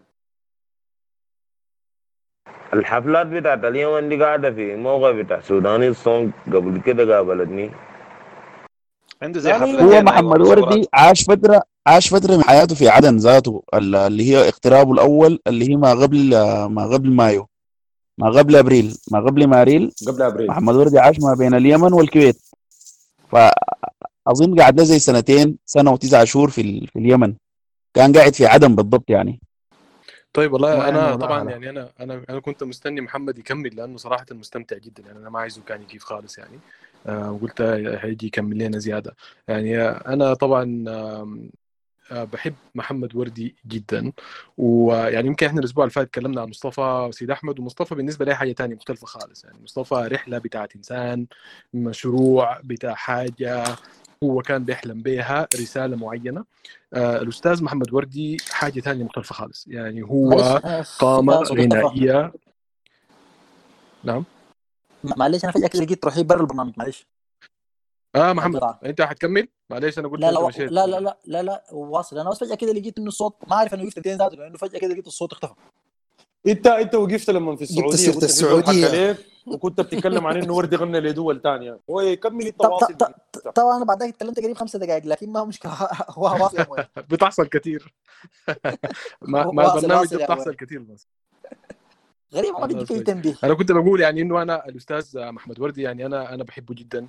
وأنا يعني هو قامه غنائيه كبيره جدا بتاريخ كبير جدا جدا وصعب شديد يعني انه الواحد يتكلم عنه انت الليلة تكلمت عنه آه، قريب الساعة ومع ذلك لسه يعني ممكن تتكلم يعني ده حاجة بسيطه جدا من التراث بتاع الاستاذ محمد وردي ويعني هو الاستاذ محمد وردي مدرسه في حاجات كثيره يعني هو مدرسه في الغناء السوداني في الغناء السوداني بحيث انه هو متميز جدا انت الليلة لو سمعت نبره الصوت بس اذا عمل اذا قح بح بس بحت الصوت بس بتعرف ده محمد وردي قاعد يغني.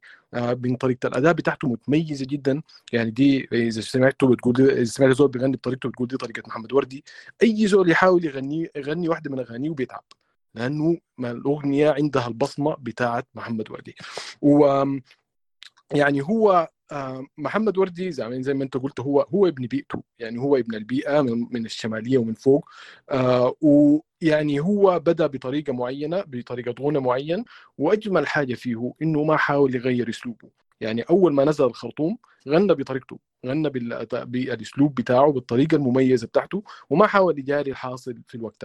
طبعا أنا بالنسبة لي يعني محمد وردي عنده حاجات كثيره مميزة يعني أنت آه، اتكلمت مثلا عن إنه غناه باللغة النوبية وطبعا يعني في حاجة الناس ما بتعرفها إنه كل الأغاني النوبية اللي هي اللي تسجلت له هي دي كانت من تأليفه يعني هو كان كان مغني وكان ملحن وكان موزع وكان كاتب كان بيكتب اغانيه برضه وكان حاجات كثيره ويعني طبعا هو في أغاني من اللي هو غناها تراث أو فولكلور نوبي لكن هو في أغاني كثيره بالذات اللي سجلت أغلبها هو ألفها هو بنفسه. وبعدين محمد وردي كان فنان يعني شامل كان بيعزف وأنتوا اتطرقتوا عن للحاجات اللي كان بيعزفها لكن يعني عنده أنت لو خشيت اليوتيوب هتلاقي عنده كمية من ال... ال... بي- بيعزف بالعود بيعزف بالطنبور بيعزف بالربابة. ويعني أنا طبعا أنا عندي أنا طبعا الناس عارفين أنا عندي رأي في الطنبور بحيث إنه أنا كنت بشوفه إنه الطنبور ده monotone. يعني بتطلع نغمة واحدة بس.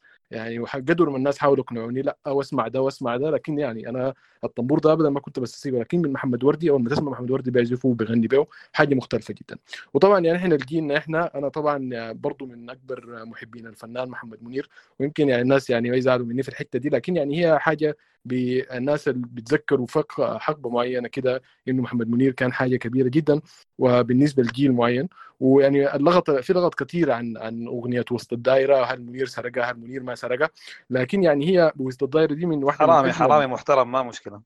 آه والله يعني هو شوف في خلاف لأنه هو وردي آه، استضافوه كم مرة. وردي قال هو اداه الأغنية. لكن طبعا في ناس يقول لك لا وردي وداه ما اداها. وردي بعد سبع ولا ثمانية سنين آه، سكت من الموضوع ومشاه لكن ما اداها له الزول ده لطش يعني الوقت ذاك محمد منير كان لطش زي ما لطش ل للبعير وزي ما لطش لغيره لكن دي دي كانت لطشة محترمة يعني. آه، لكن يعني هي هي طبعا اغنيه جميلة يعني فرح خلق الله والتني واستني يا شبه القمراء ارقصي رشي عبير يكفينا يكفينا وفتحي يا زهرة. يعني أغنية من واحدة من أجمل أغاني آه، محمد وردي. أغنية خفيفة وجميلة جدا جدا. وطبعا يعني هو وردي أول ما جاء من من الشمالية وكان الوقت ذاك أول ما أول ما حاول يخش المجال كان الأغنية السائده في في العاصمة وقتها كان اغنى الحقيبة. فهو جاب حاجة مختلفة جدا جدا. يعني حتى كان هو ب... ب... كان أفتكر علي شمو كان بيحكي قال قال أول ما وردي ده جانا في اختبار الإذاعة نعمل له اختبار وقتها آه، كان يعني كان جا خشه كده وخشه بالعود وقام قلنا له آه، يعني غنى أول ما اختاروا أغنية يغنيها غنى أغنية لحسن عطية. طبعا حسن عطية الوقت ده كان مختلف يعني. وبعدين يعني قام هم اجازوه وقال يعني إحنا الوقت ذاك وردي لأنه كان جاء كفنان جاهز. إحنا ما كنا محتاجين نعمل له. كان الوقت ده كانت الإذاعة بخيرها كان في لجان وكان في لازم تنجح اختبارات إذاعة واختبارات صوت وهكذا. آه، وطبعا ده كله حسي ما في يعني. أي زول بيبقى فنان في السودان. آه، لكن يعني أحس هو آه، علي شمو بيحكي ذاته قال إحنا أول ما قلنا لوردي غني لنا أغنية من أغاني الحقيبة قام اختار أغنية اللي هي أغنية قسم بمحيك البدري وقسم بمحيك البدري دي أغنية من أغاني أبو صلاح. يعني أنت الليلة هي من آه، أبو صلاح ذاته أول ما كتبها كان غناه كان الكتابة مختلفة من الحاجة الموجودة. طبعا أنا أبو صلاح ممكن أتكلم عنه مدة طويلة جدا لأنه يعني أنا شايف إنه آه، حاجة رائعة جدا. لكن يعني أنا تخيلت إنه وردي يمكن يكون غناها. لأنه هي واحدة من الأغاني المتميزة. آه لكن حتى هو علي شمو بيحكي قال إحنا أول ما جاء غناها لنا. طبعا هم الوقت ذاك لأنه كانوا حي... عايزين يطلع في الإذاعة كانوا عايزين يغني حاجة يمكن تكون قريبة للذوق العام اللي هو الذوق بتاع بتاع الحقيبة. فقال حتى أول ما جاء أول ما جاء غناها آه اللي هي قسم بمحيك البدري آم، غرامك منه ضاق صدري آم، يعني غناها وردي ووزعها توزيع بتاع وردي بطريقة وردي. وأنا يعني زي ما قلت كنت فاكر إنه وردي اختارها عشان هو كان كتبها أبو صلاح لكن وردي في أكثر من لقاء بعد كده حكى القصة. وقال هو إنه أول ما كان طفل كان كان بيسمع كان في خاله كان مشى مصر. ورجع بحاجة اسمها الفونوغراف بتاع اسطوانات. وبي... بي... فكان واحدة من الاسطوانات دي اسطوانه الفاضل أحمد وبيغني الأغنية دي. وقال وردي أنا كنت بسمعها كثير وأنا طفل وهي الأغنية اللي كانت اللي هي قعدت معي أنا دائما بتذكرها ودائما بغنيها. فعشان كده أول ما قالوا له غني الأغنية قام دي هي الأغنية. وهو بيقول أنا كنت يعني أنا أنا طريقة غناي ما بتمشي يعني ما كانت مختلفة من طريقة غنى الحقيبة. فقال هو بيحكي القصة. قال أنا قمت قلت خلاص أنا احاول شنو أغني قريب لغنى الحقيبة. فمشى لمنو مشى للاستاذ أبو داود. وطبعا يعني آه، عبد العزيز داود آه، أنا بشوفه من أعظم المغنيين في تاريخ السودان. وقال مشى له وقال له دربني على إنه كيف أغني الأغنية دي بطريقة الحقيبة. فأبو داود قال له خلاص طيب سمعني لها أنا أدربك. وبعد شوية في الأول قال له أنت الأغنية دي ذاته جبتها من وين؟ يعني الأغنية دي ذاته أغنية إحنا لنا مدة ما سمعناها. وبيحكي وردي قال أول ما أبو داود سمعه وهو بيغني الأغنية دي بطريقته قام قال له يا أخي أنت ما محتاج تغنيها بطريقة حقيبه ولا أي حاجة. أنت تغنيها بطريقتك بأسلوبك ده والأغنية دي أنت حتكون سبب في أسباب نجاحها. وفعلا بقى بغنيها وردي وغنى بغنيها لحد ما كان توفى كان كان كان حضرت له لقاء قبل ما يتوفى وكان برضه غنى الأغنية دي فكان أغنية بحبها جدا وكان بغنيها بطريقته ونجح بها. وده يعني هو ده حاجة في. في مدرسة محمد وردي إنه آه آه أنت هو مؤمن بموهبته ما بيقلد زول ودي حاجة مهمة جدا. وطبعا مشكله الزمن ده كله بقلد الناس كلها بتغني أغاني الناس القدام. لكن يعني هو كان ما بقلد زول كان مؤمن بالحاجة اللي هو بيعملها وكان مخلص جدا في الحاجة اللي هو كان بيعملها. وطبعا يعني أنا آه، هو محمد يعني عبد الرحمن بيتكلم عن حاجات كثيره في في في في رحلة وردي لكن يعني هي الرحلة اللي أنا شايفها مميزة شديد بالنسبة لي هي آه، تعاونه مع آه، عمر الطيب الدوش. ويعني أنا كان المرة اللي فاتت اتكلمت عن هاشم صديق مع مصطفى إنه كيف مصطفى شال حاجة فيك وحاجة فيك يعني قصيدة يعني فيها تجريد واستعارات ومجازات وحاجات كثيره كده يعني صعب جدا إنك تلحن وتغني فقام مصطفى شالها وغناها. ويعني الدوش آسف وردي عمل نفس الحكاية دي مع شعر الدوش. يعني هو الوردي زي ما قال محمد كان بيغني آه، يعني المرحلة بتاعت إسماعيل حسن. إسماعيل حسن زي ما قال محمد كلامه كلام ساهل. يعني هو مدرسة رومانسية بسيطة ولكن أغانيه جميلة. يعني أنت الليلة عند سفاي حنية حاجات زي كده. أغاني جميلة جدا جدا. لكن برضو زي ما قلت هي مدرسة بسيطة جدا جدا وكلماتها بسيطة. وهي آه، قام أول ما وردي جدد في الغنى بتاعه ومشى مع الدوش. الدوش بقى عنده مدرسة ثانية يعني الدوش آه، هي بيجمع حاجة كده ما بين البساطة والعمق. يعني هو الأغنية بتاعته آه، ال- اللي بيسمعها ال- المثقف وبيفهمها وبرضه بيسمعها راجل الشارع المتعلم وغير المتعلم وبيفهمها. فهي أغنية بتجي من الجهتين. هو دوش يعني آه، هو كشاعر شاعر متفرد جدا وكشاعر للأغنية الأغنية الغنائية في السودان نقل نقلة نوعية. ويعني كلماته رشيقة جدا آه، كلماته بسيطة وجميلة وأغانيه اللي هي غناها له وردي حاجة جميلة جدا جدا. ويعني أنت بتحس بوردي كده زي اللي بيرسم لوحة وهو بيغني الأغاني دي. يعني حتى هو وردي نفسه في كم آه، في كم مقابلة قال يعني قال أنا ما شفت زول في أي أغنية آه، سودانية وما سودانية بيبدأ أغنية بولا. يعني هو ولا الحزن القديم انت ولا لون الفرح انت. يعني قال هو ذاته ما يعني صعب شديد إنك تبدأ قصيدة أو أغنية أو حاجة حاجة كده بولا. وطبعا يعني الود آه، كتبها الدوش وهو طالب يعني. كمان يعني أنت شوف هنا العظمة بتاعته يعني. هو ما كتب يعني هي واحدة من أجمل الاغاني وأجمل القصائد الغنائية وكتبه وهو طالب. ويعني طبعا هو بالنسبة للحزن القديم كان يحيى فضل الله بيحكي القصة. قال إنه الدوش الدوش كان ما بحب الأغنية يسمع الأغنية. فبيقول هو كانوا راكبين تاكسي راجعين من ندوة وماشيين من الخرطوم لأم درمان وقام سواق التاكسي مدور الأغنية ومبسوط بها شديد قاعد بيغني وكده. فقام الدوش قام طوالي قفل الراديو بتاع العربية قال له ما تسمع الأغنية. فقام الراجل بتاع التاكسي سواق التاكسي زعل جدا جدا ونزله في نص الشارع قال له تنزل حسي. اللي هي بتاع الأغنية أنا بسمع الأغنية. فبيحكي يحيى فضل القصة دي قال لا اضطر يعني إنه يحكي لي سواق التاكسي. قال له يا أخي ده هو كاتب الأغنية وكده وهو بس ما بحب يسمع الأغنية وكده. وبعدين يعني هي بناديها من أعظم الأغاني وهي طبعا هي أغنية رمزية.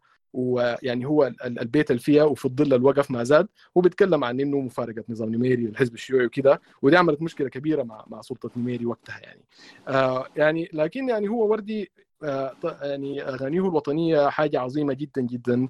وحتى هو ده نفسه بيحكي قال إنه هو أول ما دخلوه السجن هو دخل السجن بعد فعلا بعد بعد انقلاب حاشم العطا وقال أول حاجة عملوها منه أول ما دخلوه السجن إنه شالوا منه عوده لأنه هي أهم حاجة وقتها كان هو صوته وعوده ده.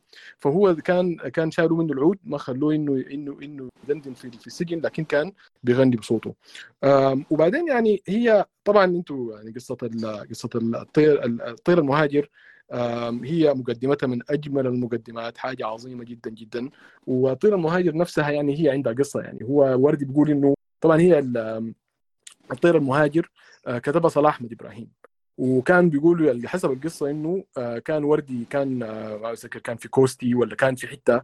وقام مشى كان فتح الجريدة ولقى إنه القصيدة دي منشورة. فعجبته شديد وقام طوالي أول حاجة عملها أول ما رجع الخرطوم إنه مشى لصلاح أحمد إبراهيم. طبعا صلاح أحمد إبراهيم كان صديق جدا.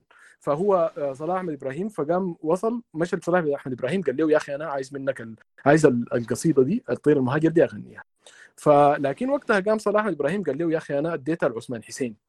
وقال له يا أخي أنت بس اسأل عثمان حسين إذا إذا ممكن تتغنيها فقال يعني شوف أنت الفنانين كان تعاملهم كيف وقتها. مشى لي عثمان حسين وقام قال له أنا عايز الأغنية. فقام عثمان حسين تنازل له عن وبرضه يعني هي في القصة كمان إنه كان يعني إنه إنه بيحكوا قالوا علي المك كان قاعد في الحلاق. أول ما كان الأغنية مست- مستني الأغنية يسمعها بصوت عثمان حسين.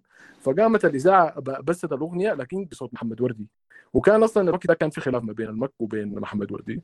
فقام يعني الحلاق الح- الحلاق قام دورها وتفاجئ أحمد آه، آه، المكي تفاجئ قال ده شنو؟ آه، يعني وردي بيغني الأغنية دي وبعد شوية عجبته الأغنية فبدأ بقى كده يتمايل كده مع مع النغم. فقام الحلاق بيقول له يا زول كيف عايز أحلق لك شعرك. فقام المك قال له يا أخي أنت وقف المزازيك دي أنا عشان اجيف أنا. فدي يعني واحدة برضو من القصص ال- القصة مشهورة. وبعدين يعني هو يعني دي مثلا آه، في منو أعرف إنه ذكر ال- بسيماتك بسيماتك لعلي عبد القيوم هي من يعني هي قصيدة يعني مستحيل تتغنى. يعني أنت لو قريت القصيدة دي؟ وهي أنا أنا قصيدة بحبها جدا لأنه هي من يعني آه، من أجمل الأشعار. آه، وفيها كلام يعني صعب شديد إنك تخطه بأي طريقة إنك توزعه وتغنيه. آه، يعني آه، الحتة ال- ال- ال- اللي بيقول فيها ال- عن الضفاير يلعبوا فوق تلال خديك ومرجح ضفيراتك بسماتك وكده. الحتة دي يعني ذاته يعني صعب شديد إنك تقوله بخشمك فكيف بانك أنت تغنيه؟ لكن وردي غناه بأريحية شديدة. وطبعا محمد برضو آه، ناقش الحتة بتاعت إنه التجاني سعيد. أنا طبعا التجاني سعيد ما بستسيغ شعره ابدا يعني. آه، لكن يعني هو كفاه إنه كتب من غير ميعاد وقلت أرحل لأنه ديل يعني هو وردي بالأغنيتين ديل دخلوا التاريخ من من أوسع أبوابه. يعني أغنيتين جميلتين جدا جدا ووردي غناهم بطريقة جميلة جدا جدا. ويعني أنا يمكن الحتة بس اللي ممكن أضيفها إنه أنا يعني وردي جدد آه يعني أنا بتذكر يعني ما بقول جيل التسعينات ولا الناس اللي كانوا في التسعينات بتذكروا يعني شريطين اللي هم المرسال وأرحل. المرسال ورحل ديل يعني التوزيع يعني وردي عمل غير التوزيع عمل حاجة جديدة. الوقت ذاك أي حلاق كان مدور المرسال. أو أو رحل أو أي سواق ركشة كان الوقت ذاك مدور الحاجة دي. فكان يعني عملت نقلة كبيرة بين الشباب. يعني أنا بتذكر خالتي كانت بتقول لي يا أخي الشريط ده شريط آه، تعبان جدا جدا وردي بوظ الغنى. لكن وقتها الجيل بتاع الشباب الوقت ذاك كان يعني كان مبسوط بالحاجة دي شديد. فهو قدر إنه هو يغير ويحاول إنه يواكب العصر في الوقت ذاك. ويعني والشريط كان فيه حاجات زي صدفة بتاعت إسماعيل حسن وكان مرسال وحاجات تانية كده. فكان شريط جميل جدا جدا. وطبعا يعني أي زول عايش في الخليج بيعرف إنه آه وردي ده يعني شهرته ما بين الأثيوبيين وال والإريتريين شهرة عجيبة جدا. يعني هو يعني هم أنا قابلوني كميه من الناس يمكن ما بيعرفوا أي حاجة عن السودان مرات كده إلا يكون شنو؟ عن محمد وردي. أول حاجة يسألك عنه. تلاقي عنده شريط محمد وردي في البيت وكده. فهو شهرته يعني وصلت مرحلة كبيرة جدا برا السودان. ويعني هو محمد وردي كان بيغني كان بيلحن كان بيوزع يعني هو كان بيرقص ما كان بيشارك الجمهور كان بيتفاعل مع الجمهور بتاعه كان روحه مرحة جدا جدا. كان مجدد مدرسته دي خالدة. كان بيحترم جمهوره. آه محمد وردي يعني فنان هو ابن النيل وحاجة جميلة جدا جدا. وأنا يعني صراحة ما عندي أي حاجة أنا أقولها لأنه صراحة مهما قلت ما أقدر اوفيه حقه وأنا أفتكر كده كفاية. ومعكم أحلى مايك. طيب احمد عبد الرحمن واصل في كلامك.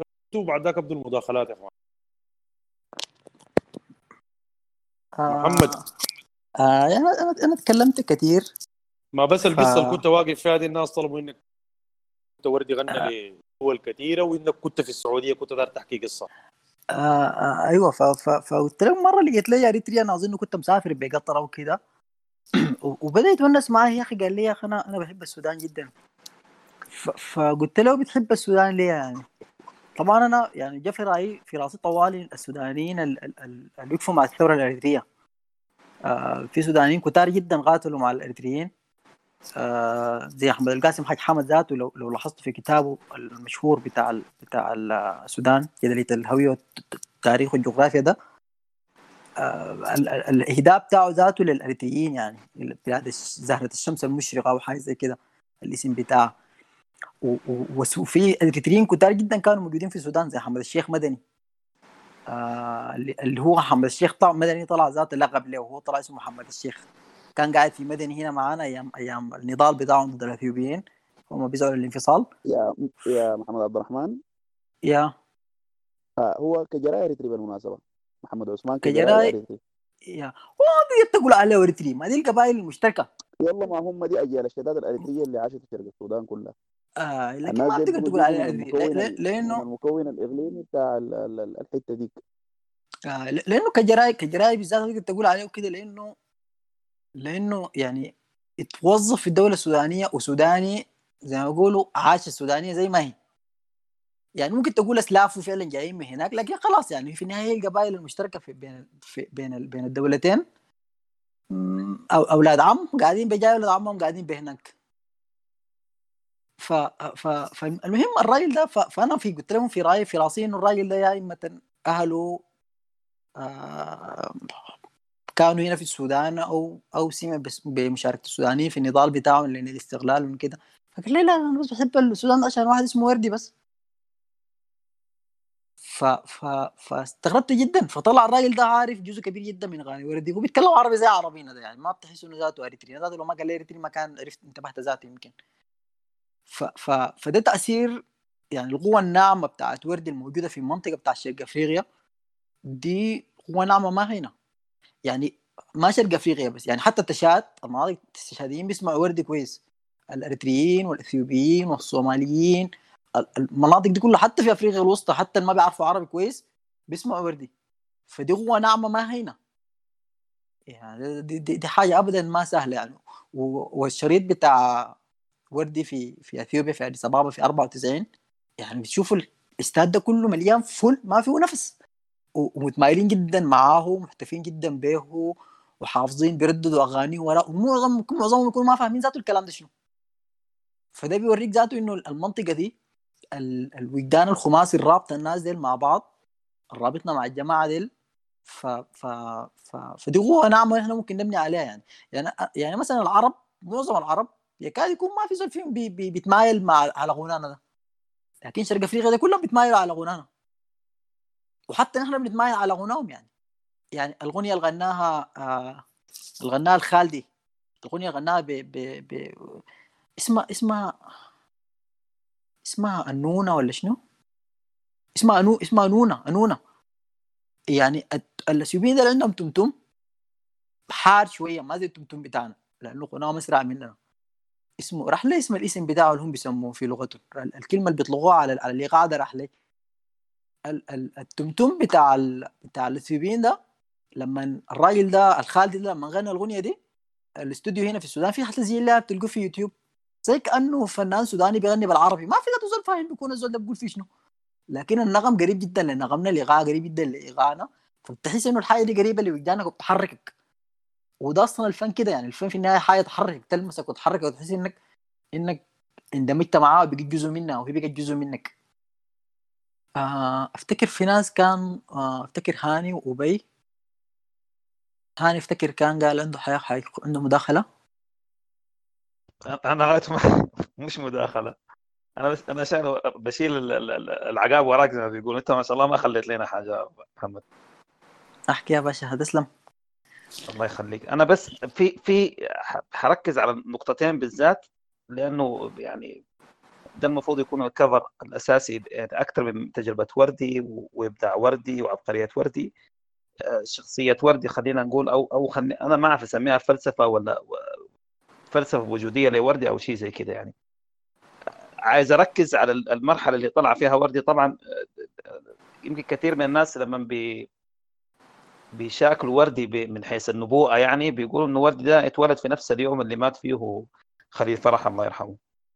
هم كانوا بيقولوا إنه يعني هو لو آه، لو السودان كله كثقافة غنائية يعني من بداية تاريخ لحد لحد الوضع اللي إحنا فيه ده لو شالوا آه، رايتهم نوم هم خليل فرح وبعديه وردي.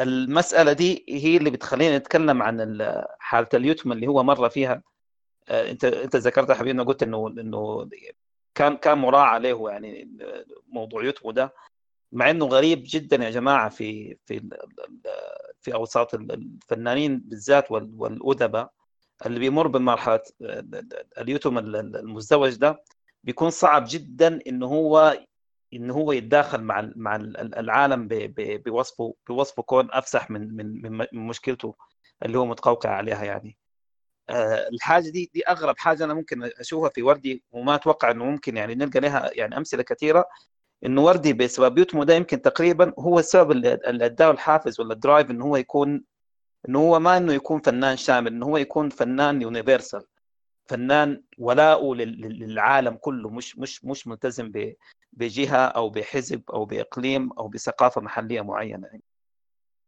يعني ال- اللي زي ما انت ذكرت والناس اللي بتعرف وردي يعني الوقت اللي وردي جاء فيه ال- الخرطوم عشان عشان يبدأ يغني دي كانت مرحلة هيمنه ثقافة الوسط يا جماعة في في التخت الغنائي السوداني يعني. يعني كان كلها بتتغنى على ستايل واحد اللي بتتغنى في الإذاعة اللي هي تابعة غالبا لبيوت الامدرمانيه وما حوالينها يعني. والزول ده كان عارف من البداية إنه طريقه حيكون صعب. وصعب طريقه هو يعني يعني شال الحمل double لما هو هو من بدايته هو كان كان منحاز جدا لثقافته الم- ال- ال- ال- المحلية على أساس إنه هو داير داير يعمل بها هجرة من من من منطقته بحيث إنه بحيث إنه هو يغزو بها الوسط ذاته يعني. يعني ال- ال- ال- أنت أنت ذكرت إنه إنه إنه ناس بتقول إنه عليه إنه هو ما- إما يكون composer هو لا هو هو موسيقار. ما في ما في دي ما فيها قشة مرة يعني. هو موسيقار. مسألة إنه اقترابه من من أو أو إتقانه لجميع ال- ال- ال- ال- الأدوات دي دي دي ما ما ما بتضر بكثير من يعني من الموسيقيين. يعني الحاجة اللي بس كان كان بيبدع فيها وردي في الفترة أنا بتكلم بالذات من فترة ال- إلى يعني من بدايته تقريبا إلى إلى إلى فترة عبود اللي كان بيبدع فيها خالص إنه هو كان أشبه ما يكون ب music producer. الصوت الجديد اللي كان الناس بتسمعه ده ما كان ما أظن إنه في وقته ده كان في واحد يعني كان عنده شغف ولهفة إنه هو إنه هو يضيف الأصوات الجديدة دي. فما بالك إنه هو بيجيب ثقافته المحليه دي ذاتها يعني وبيدخلها. يعني معلش يعني آه، غنى قمر بوبا في في في, في وقت الناس يعني أنا بتكلم بجد الفترة اللي بيحكي لي عنها يعني اعمامي والناس الكبار يعني الفترة اللي كان بيغني فيها الأغاني دي يا جماعة مش ما كان في تلفزيون ما كان في راديو ذاته. يعني في في الأقاليم الناس اللي كانوا بتحضر راديوهات وبتنوم بها لحد لحد الصباح دي ده كان يتعدوا على الأصابع. فهو في الوقت ده كان غنى قمر بوبا وغنى سوات العاصفة. يا أخي الريل التوزيع اللي عمله الريل اللي وظف فيه آه، الطنبور من الوقت ذاك لحد الأسي لحد أسي أنا ما لاقاني تنسيق يا جماعة فيه اعاده توزيع وتوظيف للطنبور زي ما عملوا وردي. يا أخي الشيء ده مجنون عديل كده إنه إنه يدخل ال- ال- الطنبور مع ال percussions مع إنه مع إنه هي الأغنية المفروض تكون ماشية على يعني على ال style ال- ال- المداور ال- ال- ال- الواحد ده. لكنه هو يدي الطنبور فرصة إنه إنه إنه يظهر مشكلة كمان. حتى لما قسم عمل ال breakdown أدى ال breakdown للطنبور بحكم إن هي يعني إنه إنه هو instrument tool يعني essential أو أو يعني حاجة جوهرية. ال- الحاجة دي لو إحنا أخذنا يعني تفتح وردي على مسألة الانتماء دي حتاخذنا إنه إنه بعد ما انجرف لل- للوسط وبقى يعني في عز شهرته الزول ده ما, ما مش إنه يغني عشان عشان عشان يتذكر أهله ولا إنه يتذكر ثقافته بس لا يغني على أساس إنه هو يتابع يعني يتابع همومهم ذاتها يعني. ال- الحاجة اللي ما ذكرت عن الطير المهاجر إنه لما لما وردي أصلا أخذها من من الجريدة لما قرأ القصيدة دي لصلاح أحمد إبراهيم. أكثر حاجة خلته متمسك فيها لأنه كان في نفس المرحلة اللي هي سنة 60 آه، 61 62 كان يا هالفترة اللي اللي اللي اتهجر فيها هالحلفة.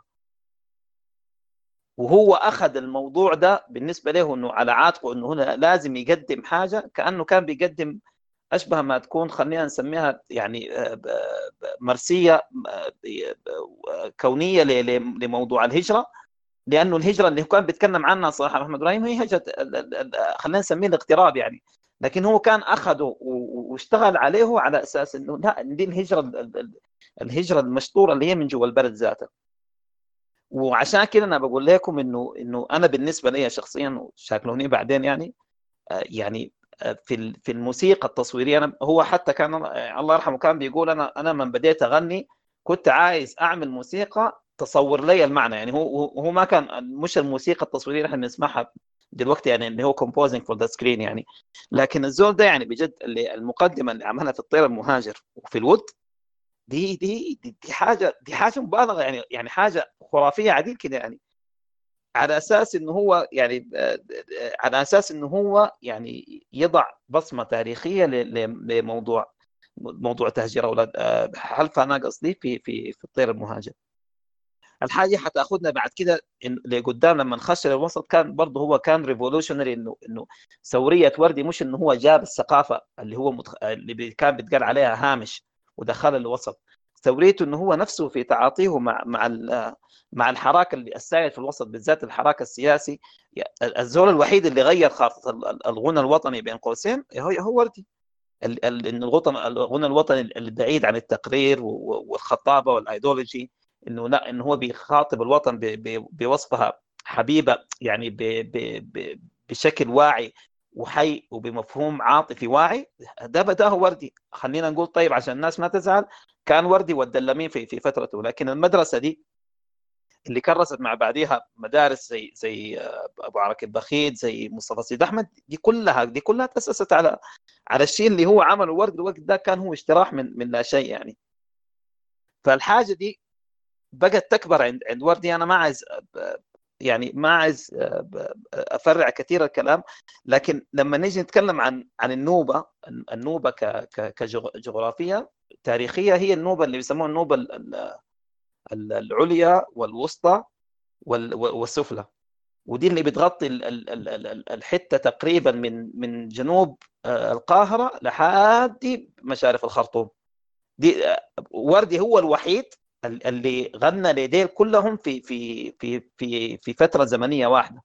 يعني الناس موضوع إنه إنه محمد منير أخذ من وردي أخذ ولا سرق أنا ما ما بيهمني. أنا قصدي إنه آه، الناس اللي ما بتعرف الروطان اللي عند وردي أنا أنا سمعت له بعض الاغاني طبعا أنا ضنقلاوي ما هي لكن لما حاولت أجري ورا المعنى الشعر اللي بيتقال فيه في الأغاني أغاني روطان يا جماعة يعني سوري والله العظيم كمعاني شعريه بتفوت بمراحل ال- ال- الشعر اللي أنتوا قاعدين تسمعوه بال- بال- بالغنى العربي. فالحاجة دي هي اللي هي اللي كونت وحدة آه، مناطقية مع مع مع مع مع, مع نوبه نوبة مصر لو لو لو جاز لنا التعبير. آه بعد ده هو طبعا هيمن على على الوسط. كان وردي من أوائل الفنانين يا جماعة اللي كان حريص جدا انه إنه على التلاحم الثقافي. ال- السوداني ما بين ما بين ما بين الشمال والجنوب. يعني كان المرحلة ديك كان هو أكثر واحد يعني كان ساعد في الموضوع ده على أساس إنه يغني للجنوبيين وإنه هو يدمج الثقافتين ويصهرهم في بعض. والحاجة دي كانت مؤثرة فيه جدا خالص. يعني آه، بعد بعد الانفصال يعني أنا أتذكر كانت واحدة من لقاءاته يعني كان آه، يعني كانوا يعني قالوا يا أخي وما بنتذكر إلا رايعتك يعني آه، اليوم نرفع راية استقلالنا. قال يا استقلال يعني. وإن الحاجة فعلا زي ما هي واجعنا كلها كانت واجعة وردي ب- ب- ب- بشكل أكثر يعني. بعد خلينا نمشي جنوب شوية لموضوع آه، لموضوع أثيوبيا. أنا أنا كان مشيت آه، يعني أثيوبيا كم مرة لكن أتذكر إنه كان الهايلايت الكبير خالص كان في 2007 لما آه، عشان ال- ال- اللي هو عيد راس السنة ال- بتاعتهم اللي هي الألفية الثانية. اللي بتبدأ في 11 9 2007 على حسب التقييم الجيوغري ال- الفترة دي طبعا تخيلوا إنه الناس زين عملوا يعني دعوة رسمية لوردي عشان يحضر يحضر الاحتفال ده. في الوقت ذاك آه، أنا ما كنت يعني الناس اللي اللي مشوا اثيوبيا عارفين كلامي كويس يعني. في في دوالتي غريب خالص يعني يعني الشعب هناك بيقدس السودانيين تقديس عجيب وإحنا عندنا عندنا عندنا عندنا مفهوم انحيازي غلط يعني في في في الحاجة دي. فكان يعني يا جماعة الناس أنا أنا ما الناس اللي لقيتهم كلهم ما بيتكلموا عربي. في أكثر من خمسة أو أو أو ستة مواضع على على خمسة أو ستة شخصيات لما يبدأ الكلام بي- بيتذكر وردي مش بيتذكر وردي على أساس إنه هو فنان عظيم وانه بيتذكر وردي عشان الحفلة اللي عملها في أديس. الحفلة اللي عملها في أديس دي يا جماعة غيرت فيهم تغيير جذري مع إنه الناس الوقت ذاك فعلا ما في بداية التسعينات ما كان عندهم ال- الموسيقى وال production wise زي ما إحنا شايفين مؤسي لكن لكن الناس دي ال- ال- البصمة اللي عملها وردي ما تتنسي. لدرجة إنه الناس دي بيغنوا اغانيه وهم اللي ما عارفين عربي ذات ولا عارفين الكلام بيتقال فيه وشنو. وكان من أعظم الحاجات اللي عملها وردي في في الحفلة ديك لما لما أعاد توزيع أكثر الأغاني على أساس إنه هي تخدم الريجي ال- ال- ال- ال- ال- ال- الريجي ال- ال- خلينا نسميه العالمي. لأنه دي أكثر حاجة ضربت الناس دي على على وتر. والريجي لما نتكلم عنه يا جماعة هو هو هي يعني هو ما إيقاع غربي بقدر ما هو إيقاع أفريقي مطور.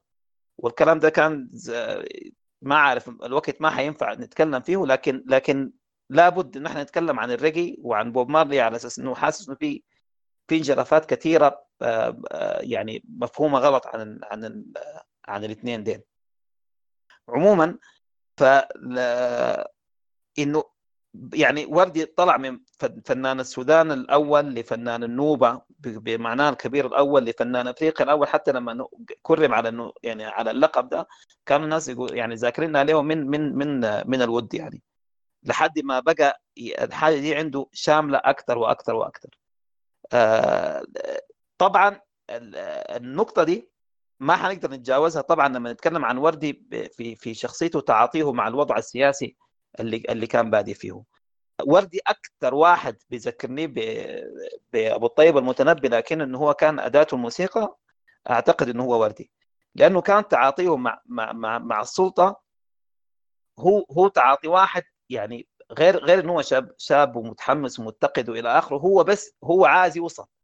فهو هو كان بيتعامل مع السلطة بانه بإنه بيحاول انه هو بس يعديها أساس على أساس ان ان هي ما إن هي ما تخنقه إن هو يكمل المشروع اللي هو كان اللي هو كان داير يعمله. زي ما زي ما أبو الطيب مت- متنبي عينه طلعت ما بين سيف الدولة وكافور. آه، وردي هو نفس الحكاية من عبود ل- لنميري و- وأخيرا بالكيزان يعني. والمرحلة دي قدر ما هي يعني يعني كان فيها كثير من من من الزعزعة يعني. لكن الرجل في النهاية يعني هو كان بيتعامل مع الشيء ده لأنه هو ولاؤه زي ما قلت لكم ولاؤه يونيفرسال فكان تعاطيه مع السياسة دي ما ما ما يهو تعاطي جوهري زي, ما الناس فاهمة يعني. يعني وردي في آخر أيامه يا جماعة قال قال أنا ما شيوعي. والناس الشيوعيين حيزعلوا طبعا لما لأنه كان هو المتصدر دائما في الديباجة دي. آه، خلينا نجيها في النقطة الثالثة. بس اللي أنا داير أقوله إنه إنه وردي يهود اللي إحنا عارفينه ما هو حتى كان بيقول إنه أنا أيوه أنا أخطيت وما بخجل من الخطأ ده. لما إحنا نتكلم عن فترة فترة عبود في بداياتها وبعدين انقلاب هاشم العطا بعدين الحاجة الوحيدة اللي أنا حسيت إنه وردي حاول يكفر فيه ال- خلينا نسميها الميستيكس دي كان في في في ثورة أكتوبر وكان يمكن أكثر فترة آه، يعني غنى لها آه، خلينا نسميه غناء ملتزم. كان فترة فترة آه، أكتوبر وما بعدها يعني. يهلي كان يعني أبدع في في في في في أغاني أنا أنا بتكلم إنه مش أغاني وطنية بقدر ما هي آه، آه، أغاني حية يعني. من أغاني الفيتوريز كان أصبح الصبح ولا كان يقظ الشعب بتاع بتاع اللهم صل على محمد بتاع مرسي مرسي صالح سراج. آه، النقطة اللي الثالثة عشان عشان يعني آه، نختصر آه، يا اللي سماها محمد إنه هو دي الفترة خلينا نسميها اللي هي الفلسفية. هي ما هي أنا ما بقدر أسميها بس دي دي, دي الفترة هو الهرم الأعظم اللي اللي اللي, اللي, وصله آه، محمد وردي في رأيي. بداها طبعا من أرجع وأقول الفترة دي يا جماعة كان بيتكلم فيها عن السبعينات يعني. الناس يا الله كان عندها روادي كان الإذاعة كان. كان بيغني في, الإذاعة كان بيغني صحيتي في نف- نفس الوجود ورجعتي لعيون النهار الوقت ذاك يا جماعة العالم العربي كله أوكي ما كان ما كان في غنى. بالمفهوم ده أصلا على أساس إنه خليك ما كان في غنى ما كان في مسرح تجريدي بي... بي... بي... بي... بي... بيتكلم عن الحتة دي زي زي ما زي ما بدأها وردي آه وكان طبعا خاتمتها اللي يعني بما لا يدع مجالا للشك خلونا من جماعة من التوزيع ال- الأخير. لكن لكن آه، أرحل دي آه، زي ما قال آه، محمد عبد الرحمن هو هو ما أنا ما أقدر أسميه لحن دائري. هو هو عمل معمار دائري أشيدة في ما ما ما ما يعني أنا ما سمعته إلا في في سيمفونيات يا جماعة عالمية. انه الغنى نفسه إنه يعني يبدأ من نقطة وعشان يصل ذروته لازم آه، يرجع لنقطة البداية دي ذاتها. ال- ال- المعمار الدائري ده آه، لو إحنا أخذنا وردي كان كان اتعامل معاه قبل كده طبعا في, في بس لكن ما بالشكل الكامل ده. يعني يعني الحاجة دي استخدمها كان في أغنية آه، أقابلك بتاعت إسحاق الحلنجي يعني. وده برضه يا جماعة يعني يعني يعني ما ما أظن في الوقت ده كان في واحد ممكن يغني أقابلك في زمن ماشي وزمن جاي وزمن لسه. أشوف الماضي فيك ذاكر أريد باكر يكون هسه. يعني يعني الفكرة دي ها, ها انترستيلر هو هو نولان. لكن كان كان كان كان غنى. لكن توظيف ال- ال- ال- الغنى ده أتوقع إنه عمل المعمار الدائري ده هو في في في في أرحل. ال- الحاجة الأخيرة اللي عشان أختم بها إنه إنه زي ما قلنا وردي زي ما يعني كان يعني أغاني كثيرة جماعة لما كان في الفترة فترة ال uprising الأفريقي انها كانت أغاني أصلا كانت لثوار أفريقيا وتغيرت. يعني زي زي يا ثوار أفريقيا يا صناع المجد بقت يا ثوار أكتوبر يا صناع المجد. يا حارسنا يا فارسنا بعد فترة بقت لا حارسنا يا فارسنا. الحاجة دي بتاخذني لمفهوم لمفهوم ال لمفهوم ال ال ال ال الولاء السياسي خلينا نقول عليه يعني. أنا أكثر واحد بشوفهم سبحان الله يعني كانوا ماشيين سوا في الحتة دي مع اختلاف مشاربهم يعني. آه، دكتور جعفر شيخ أدريس ومحمد وردي. دكتور جعفر شيخ أدريس اللي كان هو يعتبر يعني هرم مؤسس خلينا نسميه لحركة الإخوان المسلمين في في من بعد الألفينات كان بيقول أنا ما أخوان أصلا. ونفس الحكاية وردي اللي كان بيتخطى ديباجة إنه هو لل- لل- للحزب الشيوعي وبعد كده قال إن أنا ما شيوعي. والإثنين يا جماعة مروا بنفس ال up and downs يعني مروا بنفس ال struggles والغريب إنه الإثنين برضه كان نفس ال struggles بتاعتهم كانت مع نيميري بالذات يعني. نيميري اللي كان أصدر حكم ب ب ب ب يعني باعتقال جعفر الشيخ إدريس حيا أو ميتا وده كان سببه اللي خلاه يطلع في بعد آه، انتفاضة شعبان. ونفس الحكاية وردي أهو طلعت وكان اللي هو منفاه القسري كان برضه بسبب آه، نيميري آه، والنكتة إنه إنه الدور الدور بالدور الدائرة ن- نيميري لما مشى لما مشى أظنه بريطانيا أو أمريكا تلاقوا هناك كان هو جعفر الشيخ إدريس يعني. يعني كان بيضحك معاه وبيهزر وبعد كده قال له يا أخي يا أخي معلش سامحني قال له سامحك مش انت كنت عايز عايزني عايزني ميت عليك كده قال له لكن بعد كده طبعا اتسامحوا و... آه، وتصافوا في ميزة آه، لازم تتذكر وزك... مش لازم لازم تاكد عليها لأنه لأنه لأنه ذكرها كثير آه، محمد عبد الرحمن حبيبنا اللي هو صوت وردي. لو في حاجة اشتغل عليها وردي يعني في فترة في مسيرة حياته الفنية كان اثنين. اولا اللغة بحكم إنه هو كان زور رطان يا جماعة. آه، آه، يا أخي مخارج الحروف عنده يا جماعة معلش يعني مخارج الحروف عنده لما بيغني العربي ولا العربي الفصيح يعني يعني ما ما تضاهى. آه، جزء منه طبعا هو كان مدرس بتاع لغة عربية. وفي ناس كانوا بيقولوا انه إنه هو كان أخذ الموضوع ده انه إنه زي زي بريدج يعني زي إنه حاجة يشتغل بها لحد ما يبقى فنان الكلام ده ما صحيح. اللي أنا بعرفه عن وردي إنه وردي لما اتخلى عن التدريس لما لقى إنه في في في تناقض ما بين ما بين المهمتين. وردي لما كان أستاذ بي بي بي بيدرس آه، كان كان بيعمل حفلاته. كان بيرجع المدرسة اليوم اللي بعديه وبيلقى بيلقى الطلبة يقول له يا أخي والله يا يا, أستاذنا والله بدعت في حفلة امبارح. فلقى إنه في في بقى يتخلص من الشيء ده يعني نوعا ما لأنه كان سب- سبب له آه، يعني يعني ثقل فهو تخلى عن التدريس. لكن من الوقت ذاك الزول ده كان كان حريص جدا على على على نظافة آه، آه، لهجته وادائه اللغوي بالذات يعني. الشيء الثاني الصوت. يعني اللي بيسمع وردي في بداياته يا جماعة ما بيتخيل إنه الزول ده ممكن ممكن يطور صوته سريع لحد ما نوصل الفترة بتاعت الستينات اللي كان اللي كان من شبه المستحيل. أنا أنا أنا برجع وبقول يعني هي مش إنه الأوركسترا بتكون شغالة بتحس إنه الصوت خفت وصوت وردي. وردي كان بيتعامل إنه في في نوتات لحنية ما بيغطيها أي وك... يعني اي اي اي أي compound اوركسترا كان ما بي ما بيغطي الشيء ده بالذات ال backing يعني غير صوته هو. صوته يا أخي عبارة عن قيثاره عديل كده. صوته يعني لو حاجة ما حتتكرر يعني أستغفر الله العظيم لكن فعلا يعني الشغل اللي عمله وردي على صوته ما ما ممكن انه يقاس أصلا. مسألة انه انه إنه هو يعني بي يعني بيرجع من بين السوبرانو وال alto وإنه بيدي ال- ال- ال- ال- ال- ال- الاوكتافيوم يعني percussion يعني strings بالقوة دي.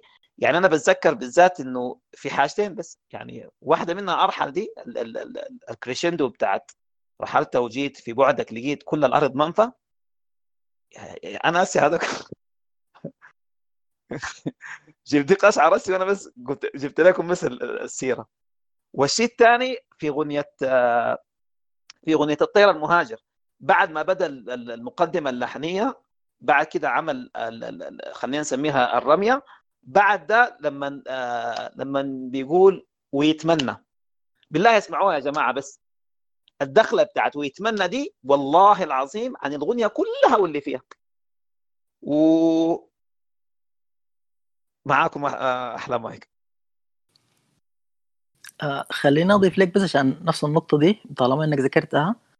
في قول طرح ذاته في لحظة من اللحظات طبعا الكوبليهات دي بتتكرر لكن كل واحد فيهم الكلام في كلمات بتتضاع في كلمات بتتحذف وفي آلة موسيقية بتطلع وواحدة بتطفي.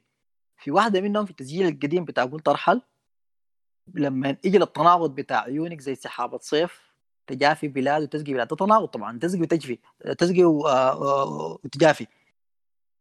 التناقض ده ورد عبر عنه بحاجة غريبة شديد. اللحن ما هو مقام خماسي. صوت وردي بقى نغمة بقى نغمة سادسة في لو شو أرجع أشوف التسجيل القديم في الحتة دي.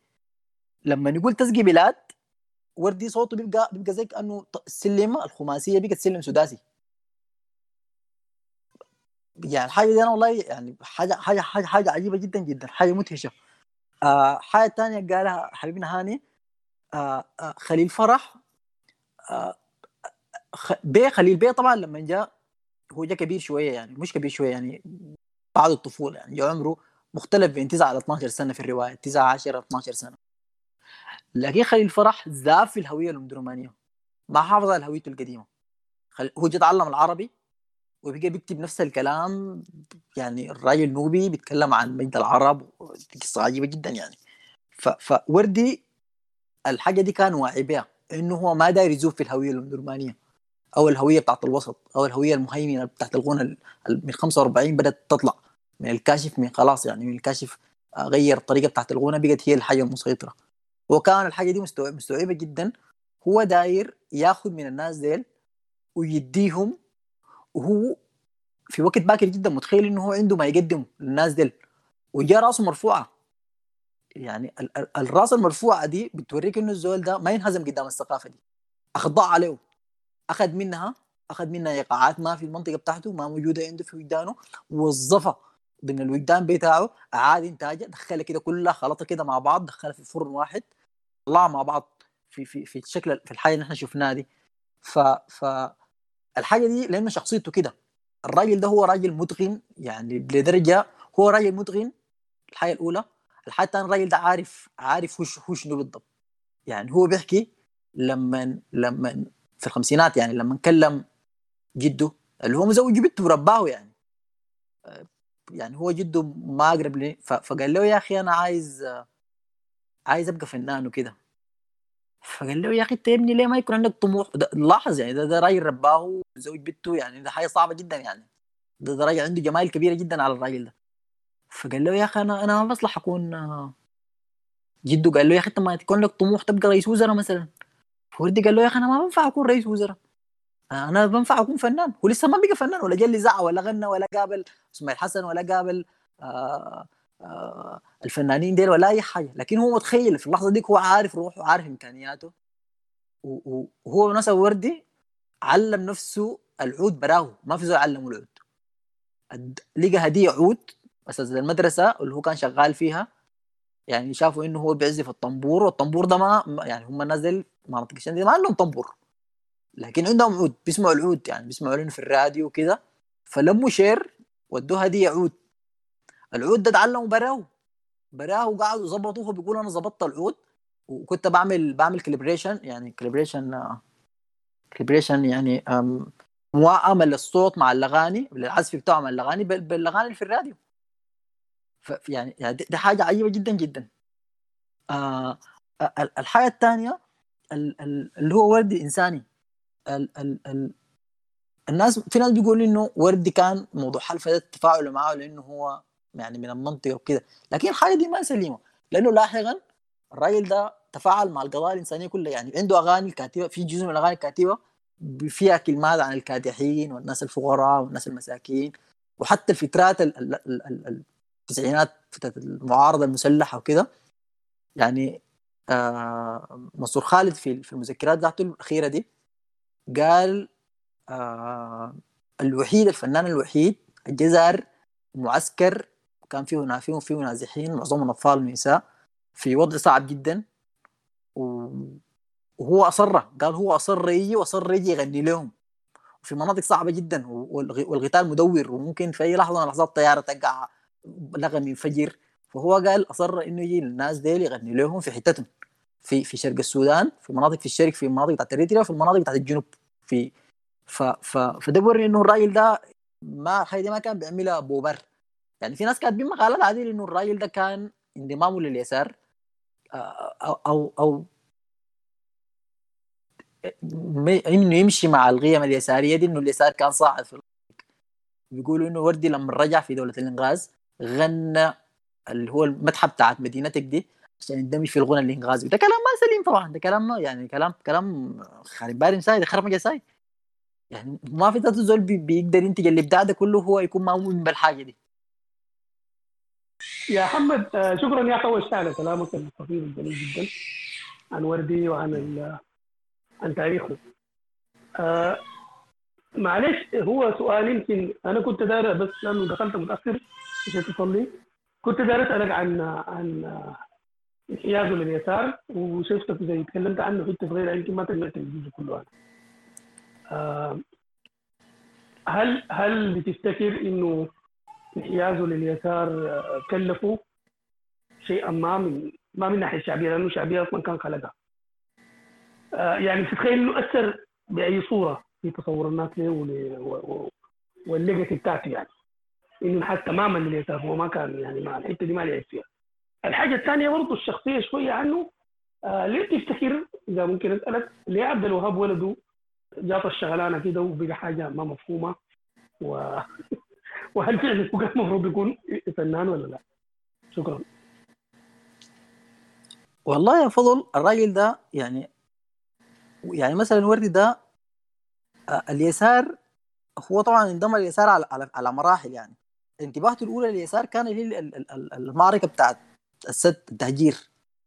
هو بعد ما غنى لعبود للنظام وكده بعد شوية بدأ ينتبه عن طريق طلبه الجامعات وإنه بيمشي وبيفلقوه وكده وما بيسمعوا له وبيفصلوا منه المايك وكده. بدأ ينتبه إنه القصة دي في حاجة غلط يعني في, في الانقلاب ده. ولما جاء موضوع التهجير خلاص طبعا.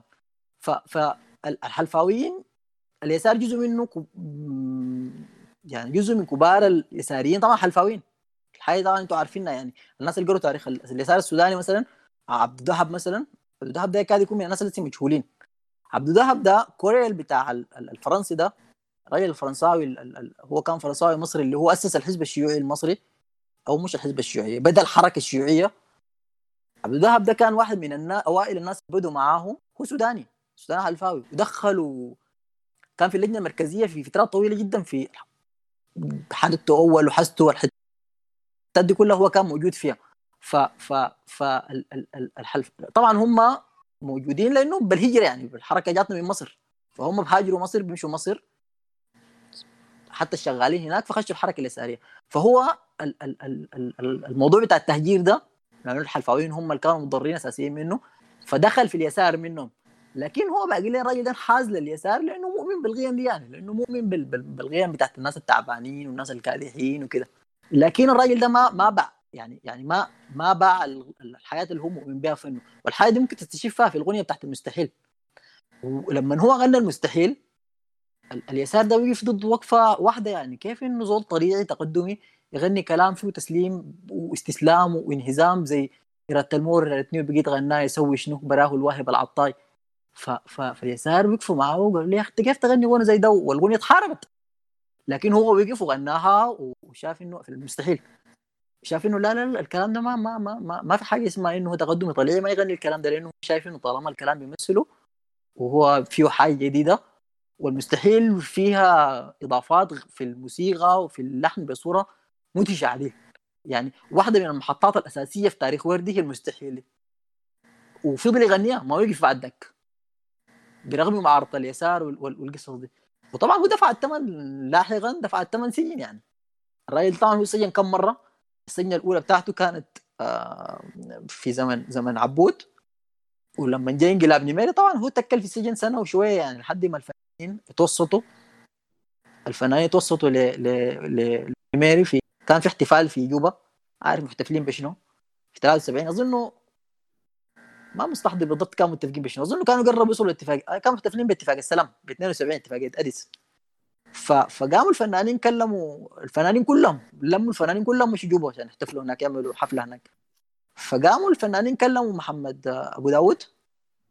قال ولو أبو داود طبعا كان راجل ظريف هو كان ظريف الفنانين ظريف المدينة كان. وهو مقرب جدا من من نميري فنميري كان أول ما يجي يشوفه بيقول لي تعال أحكي لي آخر نكته فقام كلمه قال لي يا أخي اتكلم لنا الراجل ده خليه يا أخي فك لنا وردي ده يا أخي وردي ده قاعد في السجن له سنة ونص كان تم سنة الوقت ده. فهي كان في مارس 72 ف... فالقصة دي ممكن تكون في مارس أو في أبريل يعني. ف ف فلما هو أبو داود قال ل... ل... ل... لنميري يا أخي أنت ود... أنت طبعا هو الدليل ذاته كان في السجن معاه يعني. قال لي يا أخي أنت يا ريس يا أخي وردي. فنميري هاج كده قال لي ماله؟ قال لي يا أخي ما هتقدموا لنا 200 طبعا هو يعني مخارج يعني مدنية تصرف خارج منه لأن نميري راجل هو ممكن يشيل يرجع في السجن معاه يعني. فنميري الوقت ذاك بدأ ينتبه إنه هو الرئيس التشادي برضه كان زاير وسأل من وردي وردي ليه ليه ما قاعد أغانيه ما قاعد تتذاع في الراديو ليه؟ لاحظ يعني. هم في تشاد منتظرين الراديو عشان يسمعوا أغاني وردي يعني. فنميري بعد ذاك هو انتبه للقصة دي فكاو. ف... ف... فهو دفع ثمنه سجن والفترة اللاحقة بالمناسبة في 73 و74 ضباط الأمن في مرحله وردي كان بيغني أغاني مرات يعني مثلا غنى عبد الخالق و... الاغاني دي النظام النظام بتاع نميري ما كان عاجبه الحاجة دي. هو والله يغنيها. لدرجه انه جات مرحلة من المراحل هو كان يمشي الحفلات بتاعت الحفلات الاعراس عرس. الأمنية بيجوا في العرس بي بي بيتحرشوا يعني بال بال بال بال بال بالحفلة يقول له ما عندك تصديق ما عندك تصريح ما عندك بتاع عشان الحفلة تبوظ يعني. هم طبعا داري يفشلوا سوقه داري يبوظوا سوقه والوقت داك سوق وردي بالمناسبة سوق صعب لأنه وردي ادى الفنانين زي ما قالوا الفنانين كتر ادى الفنانين قيمة. الفنانين كانوا بياخذوا ملاليم في الغنى لا في العرس وردي بقى رفع رفع الأجر ل فاصلا بقى الزول اللي بيجيب وردي ما يزول. فتخيل إنه أصلا هو ما بيغني حفلة كل يوم ولا كل أسبوع ممكن في الشهر يغني حفلة واحدة. بعد ده كله هم بيجوا بيحاولوا يمنعوا الحفله ويغني عشان يوقفوا يعني يعطلوا رزقه يعني. لو كده ما عنده حاجة يعني ما عنده وظيفة. وظيفته بياكل من الفن يعني. فهو دفع الثمن المشكلة بتاعت عبد الوهاب دي عبد الوهاب هو مختلف مع أخوانه زي ما أنتم عارفين. هو وردي كان شايفه إنه هو ميوزيشن بينفع يكون عازف. لكن ما بينفع يكون يعني حتى مظفر ذاته كان عازف في فترة من الفترات في الفترة الأخيرة دي عزف معه. لكن ما ينفع يكون مغني. شايف إنه صوته ده ما صوت ما صوت غنى. ومنعه يغني أغانيه. أخوانه مختلفين معه وهاب الوهاب عمل يعني بعد ما ورد ماد عمل البر... الحياة بتاعت المهرجانات دي. والمهرجانات دي الفنانين الحفلات اللي تغنت فيه حصل تعديلات كده. في بعض الأغاني برؤيه عبد الوهاب. والموضوع ده كان مزعل أخوانه شديد وحتى كان مزعل بعض اللي بيحبوا وردي كانوا مقاطعين الحفلات دي كلها.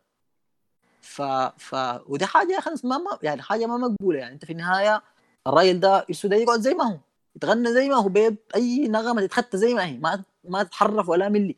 الزول ده يعمل حاجة حقته تمشي يعمل حاجة حقته. ف ف فأخوانه تقريبا يعني لفتره كانوا شبه مقاطعين اخوهم الكبير ده.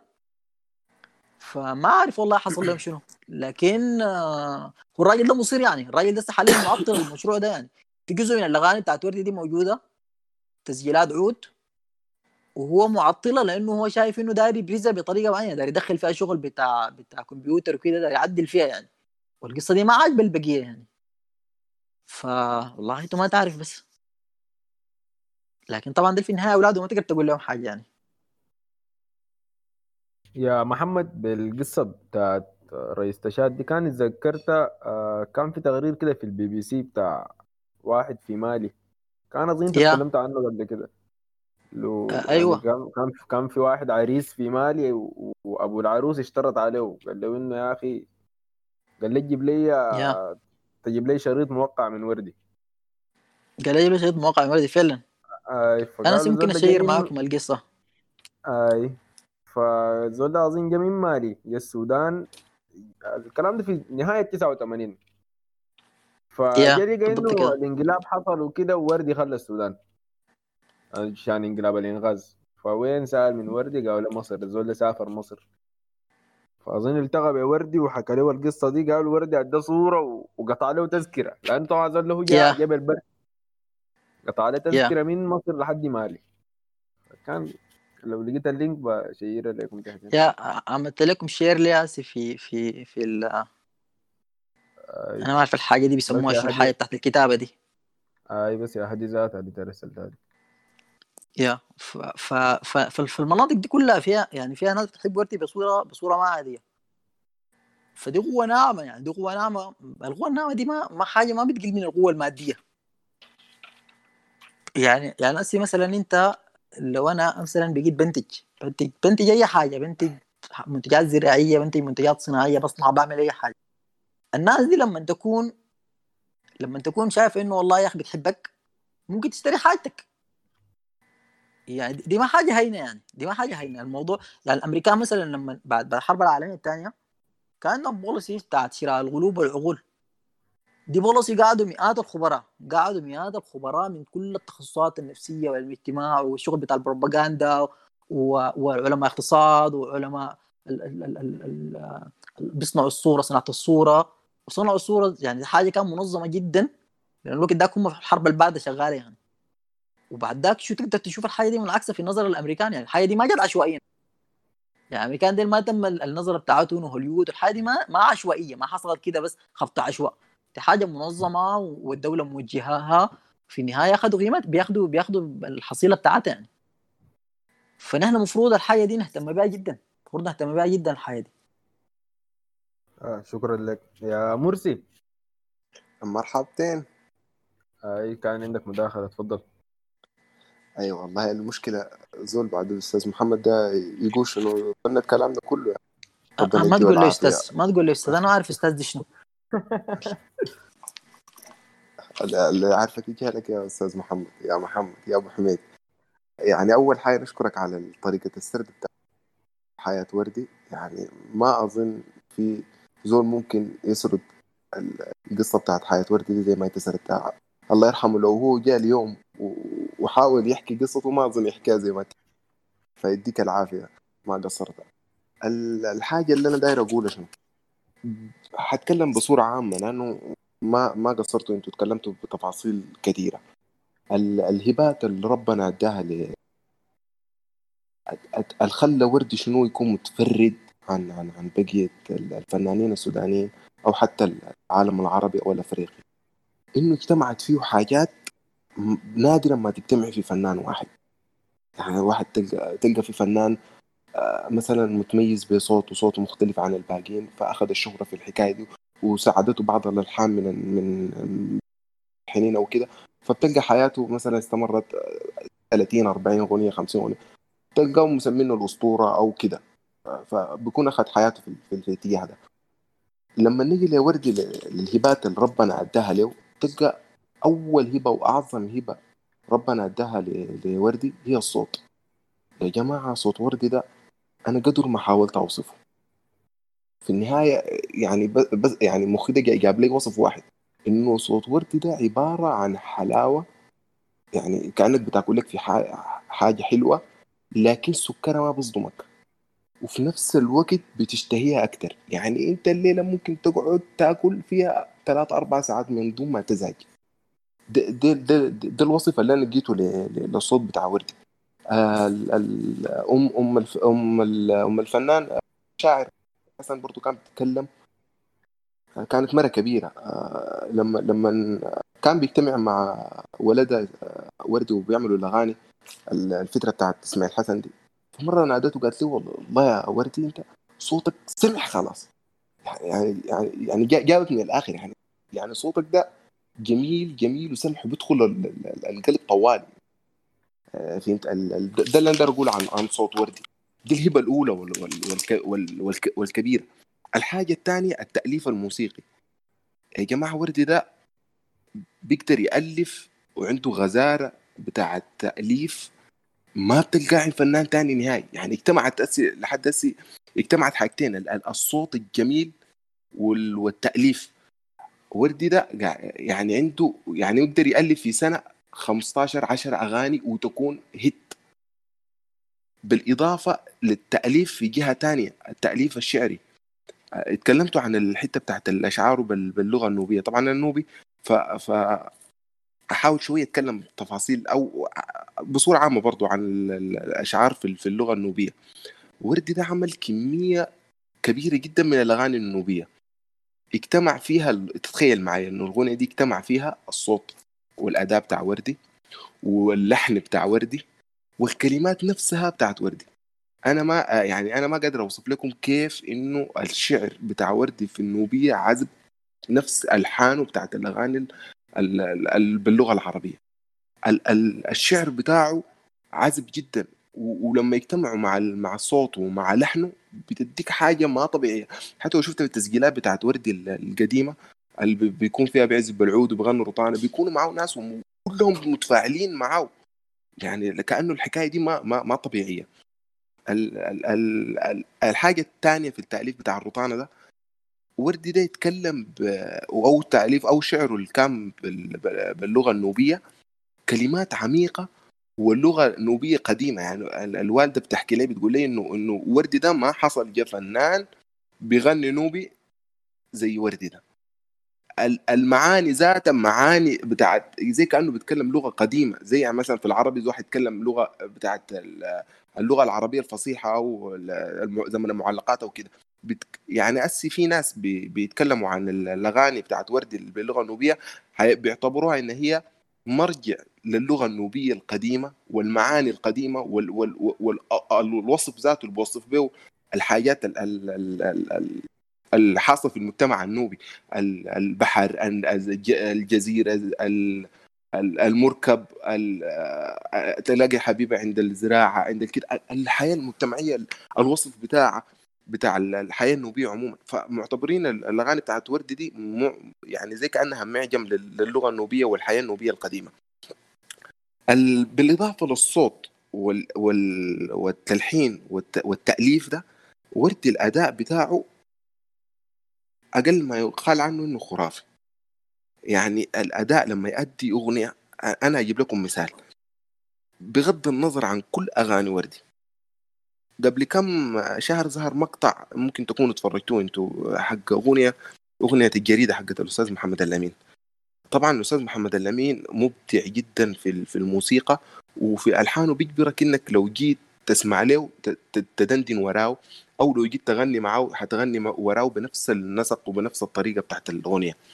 لو لو شفتوا ال- الفيديو ده من حفلة قديمة وعرس قديم ال- الأستاذ محمد الأمين بيغني أغنية الجريدة ومعاه الأستاذ وردي طلع آه، في المسرح وغنى معاه أغنية الجريدة لكن غناها بطريقة وردي. عامل منها حاجة خرافية وقتيه تدل على عبقرية غير طبيعية. يعني الزول ده غنى المقطع بتاع اسمعيني آه، حقت حقت الأغنية دي. غنى الحروف ال- ال- الموسيقية من أماكن مختلفة مختلفة تماما عن الطريقة بتاعت ود الامين وفي نفس اللحظة ود الأمين بيغني ووردي بيغني. دي دي بتوريك كيف إنه الزول ده عبقري وإنه الأداء بتاعه ما محتاج إنه هو يقعد ويظبط روحه كده ممكن تلقائيا كده يخش يخش ويغني معاك. دي, دي الحاجات دي كلها اجتمعت في وردي بالإضافة لحياته الدرامية وأنتم ذكرتوا ال- ال- الحياة بتاعته من مما ولده ولده يتيم والبيئة اللي عاشها وكيف جاء الخرطوم والحياة صعبة والمحطات حياة وردي حياة درامية. لو جينا نمثل يعني لو جينا جينا زول سوداني نوصف له ال- ال- ال- الحياة السودانية من استقلال لحد يوم الليلة هي هذه حياة وردي؟ تل- تلقى في ال في في, ال في الحياة السياسية هو مشارك في الحياة الثقافية هو مشارك. في يعني الأغاني بتاعت وردي مرتبطة بتاريخ السودان من الاستقلال لحد ما توفى ربنا يرحمه ويغفر له. ال- النقطة الثانية الداير أقولها. هي نقطة سيئة بالنسبة للأغاني السودانية. ممكن برضو يعني الناس ناقشوا معنا ويتكلم عنها الأستاذ وردي اللي هي ال- السوق بتاع التسجيلات. يعني هسه أستاذ محمد بيقول عنده زي 160 تسجيل. ال 160 تسجيل دي أنا أعتقد إنه ممكن يكون فيها 120 تسجيل ما ما نظيفين وردي ذاته اتكلم عن الحكاية دي. الحكاية دي ضرانة شديد. يعني معظم التسجيلات اللي بتتشهر والتسجيلات ال- اللي بتكون متداولة عند الناس تسجيلات بتاعت حفلات ويكون فيها مشخشخة. هي صح ممكن تكون عندك معاه ارتباط معين ال- الحفلات دي وممكن تكون سمعة لكن يعني لو قارنتها مثلا بالفنانين ال- وال- والموسيقى العالمية اللي تطور شديد ما في زول قاعد يسمع أغاني مشخشخة زي ما نحن قاعد نسمع. فالتسجيلات بتاعت الحفلات والتسجيلات السيئة دي ضرتنا في الفنانين بتاعنا زي وردي ده ضرر ما طبيعي. يعني الأغاني زي زي, زي مستحيل لو كان لقينا لها تسجيل زي تسجيلات أمريكا. ال- ال- اللي سوت زي بتاعت الطير المهاجر القمر بوبا. يعني دي ممكن تكون أحسن تسجيلات في الأغاني السودانية عامة. التسجيل بتاع الطير المهاجر تسجيل خرافي تسجيل نظيف. ال ال ال مش القمر بوبا آه، آه، أقابلك. عرضوها كان في النيل ال- الأزرق أول ما جرى دي كلها كانت تسجيلات تسجيلات نظيفة. نحن التسجيلات دي ضرتنا في الأغاني السودانية وأغاني وردي كتير جدا. وبرضه في النوبي ضرتنا كتير لأنه ما كان في تسجيلات. فدي الحقيقة اللي داير أقولها. يعطيك العافيه يا مرسي يا اخ والله شكرا لك على مداخلتك في اغنيه الجريدة دي. أبدعت فيها عديل يا مرسي يا ال- الحكاية دي والله العظيم يعني أول ما سمعتها أنا كنت سايق العربيه وقفتها. والله أنا أنا أول ما. سمعتها اتمنيت إنه الأغنية دي يعني أسمعها كاملة كده بصوت وردي وبالبصمة بتاعته. شكرا لك يا عارف انت عارف أنا لما سمعت الأغنية دي بقيت بفتش أغاني الناس التانيين وهل وردي غناها ولا لا؟ بقيت بفتش في التيش. لأنه وردي بيديك طابع كده في الاغنيه أنت أصلا متعود عليها بيديك لها لمسة كده بتفرده ده حاجة ما طبيعية. أنا ما متذكر منو اللي قال في واحد من الناس قال وردي لما غنى آه صدام ده قال عنده مداخلة يا إخواننا وكهربته دار تقطع. يا محمد. أوكي. يا مشكلة. صدام ده قال عنده مداخلة وكهربته دار تقطع فنديه فرقته خش يا قنقلز سامعني كويس؟ يا صوت صوت كويس. اتفضل. السلام عليكم. آه أنا حقيقي كان عندي خمسة يعني من أول امبارح كنت أتكلم عن خمسة خمسة نقاط في موضوع محمد وردي. آه في ثلاثة كويس منهم يتغطوا بصورة كويسة ما أتكلم عنهم. آه في نقطتين هم غالبا حيكونوا سريعات جدا. آه اللي هم عودة محمد وردي في 2002 و... وإسحاق الحلنجي. آه يمكن السودان ده يعني الناس هنا بتمشي المطار تستقبل ناس جايين الحاجة ما تحصل كده. يعني بتحصل حصلت مع جمهور المريخ لما كسر ال... دخلوا الرنوي عديل يعني وحصلت آه، ثاني بعد ذاك حصلت آه، ثلاثة مرات. حصلت في وفاة مصطفى سيد أحمد وحصلت في عودة محمد وردي في 2000 وحصلت في عودة جون جرن. يعني الحاجة اللي أنا بتذكرها محمد وردي لما جاي راجع السودان آه، في حشد جاء من الولايات. يعني في زول في زول يتحرك من القضارف أو ناس كميه أنا بعرف منهم اثنين عشان يستقبلوا محمد وردي ما حيجيبوا الخرطوم كان. غير إنه محمد وردي جاي السودان خلاص. الحالة بتاعت الاجتماع الإجماع الاجتماعي دي آه دي حالة بتوريك المكان اللي كان فيها محمد وردي. لسبب واحد إنه الناس ديل آه لما محمد وردي طلع من السودان كانوا ناس صغار جدا. آه لما جو استقبلوا محمد وردي هم طلبه في الجامعات. يعني أنت ممكن تتخيل الناس دي اعمارها كانت قدر شنو؟ لما محمد وردي مرق. فالحالة اللي خلقها محمد وردي آه هي زي الحالة اللي خلقها مثلا جون جرن زي الحالة اللي خلقها المريخ زي الحالة اللي وفاه مصطفى سيد أحمد. والحاجة دي ما حصلت في مطار الخرطوم كثير نهائي يعني. دي ال ال ال ال ال النقطة الأولى. النقطة الثانية النقطة بتاعت آه، إسحاق الحلنجي. آه طبعا يعني إسحاق الحلنجي هو شاعر غنائي بيكتب بيكتب غنى. ناس كتار جدا ما بريدوا اسحاق الحلنجي في شخصه في تطور مسيرته الشعرية في نهاياتها كانت عاملة كيف. لكن الحاجة دي ما بتمنع إنه محمد محم... اسحاق الحلنجي كان يعني حاجة كبيرة جدا في. في تاريخ الأغنية السودانية. خصوصا في الفترة الذهبية بتاعت السبعينات. في الفترة دي إسحاق الحلنجي أنتج مجموعة بتاعت أغاني آه ليوم الليلة الناس بتردد فيها بصورة دائمة يعني. آه إسحاق الحلنجي بالنسبة لمحمد وردي يعني هو تعامل معه بدري جدا. إسحاق الحلنجي آه وردي تعامل مع إسحاق الحلنجي. إسحاق الحلنجي عمره 20 سنة. آه في أغنية كان اسمها 65 الكلام ده يا محمد عبد الرحمن. أول ما إسحاق الحلنجي جا من كسلة كان عمره 20 سنة. عن طريق صالح الضي. لأنه إسحاق الحلنجي كان عنده علاقة بصالح الضي وغنى له آه، تقريبا. الذاكرة. المهم يعني وبعد ذاك قام عرفوا على وردي وقام أدى وردي أغنية اسمها الدموع دايما حبايبي اللي هي بتاعت السنين الفاتوا من عمر الهوى يا حليلة ابتدت بالطيبة بأشواقنا Yeah. ومشاعرنا النبيلة. الحاجة دي آه، 65 آه بعد ذاك وردي ما تعامل مع إسحاق. حتى الأغنية دي مع إنه لحنها جميل جدا لكن ما ما ما اشتهرت يعني كان في فترتها ديك لأنه كان كانت الإنتاجات اللي أسمح منها كثير وذاتها ما تذاعت في الإذاعة كثير ولأسباب كثيرة.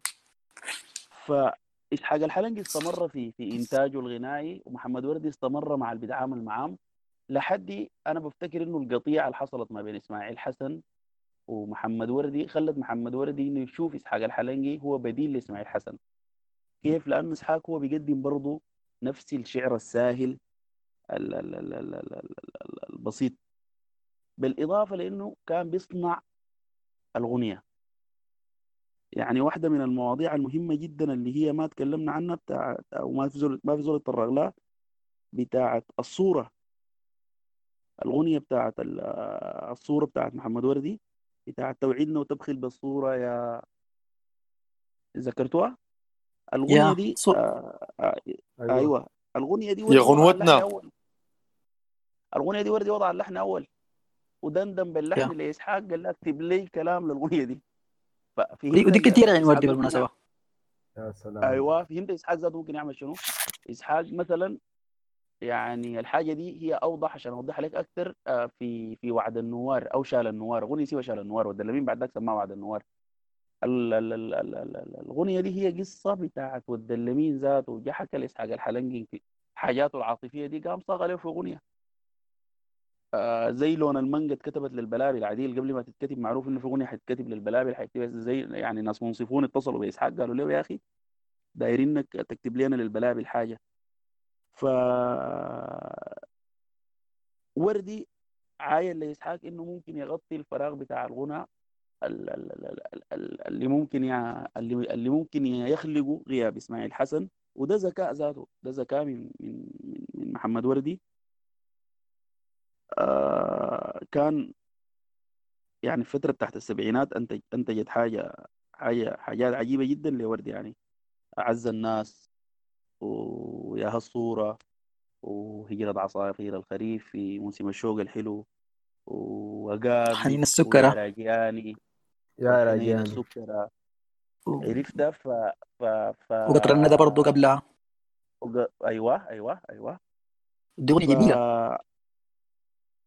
حر... حرمت هواهم. يا.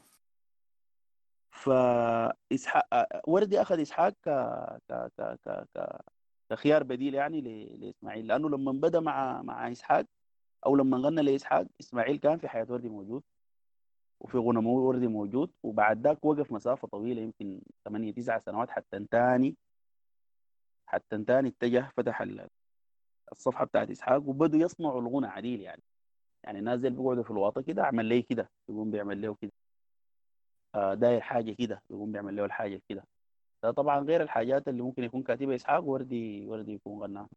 أنا حقيقة يا جماعة كهربتنا قاطعة وكهربتي عملت 3% أنا بكتفي بال- بالقدر ده وإن شاء الله تجي أو أحصل اسمع حاجة قبل الناس ما ما تطلع. شكرا لك يا صدام. آه، في آه قبل الحاجة كنت عايز أي أقولها قبل لما مرسي قال آه لما هو غنى شارك آه والدلمين في الغنى. الأغنية ال- ال- الدهب بتاعت الحقيبة الوحيدة الوحيدة اللي تقريبا في أوركسترا كاملة اللي وردي فيها وردي عنده حقيبة تاني كثير مسجلة بعود. قعدات لكن أي قسم بمحيك البدري غرامك لبيتري الأغنية دي مسجلة كامل تسجيل كامل نظيف. في واحد أنا بتذكر منه قال وردي لما غنى الأغنية دي كره الناس في غنى الحقيبة كره الناس عليها يعني يعني لما تسمع قسم بمحيك البدري ده أنت أنا فترة كده ما أقدر أسمع غنى حقيبة ذاته مسجل بي بيديك جرعة كده بتاعت بتاعت سكر وأدرينالين صعب جدا انت تقبل حاجة ثانية غير حتى لو تسجيل نظيف موجود. فبس دي الحاجة كنت عايز اقولها بعد تعليق مرسي آه قبل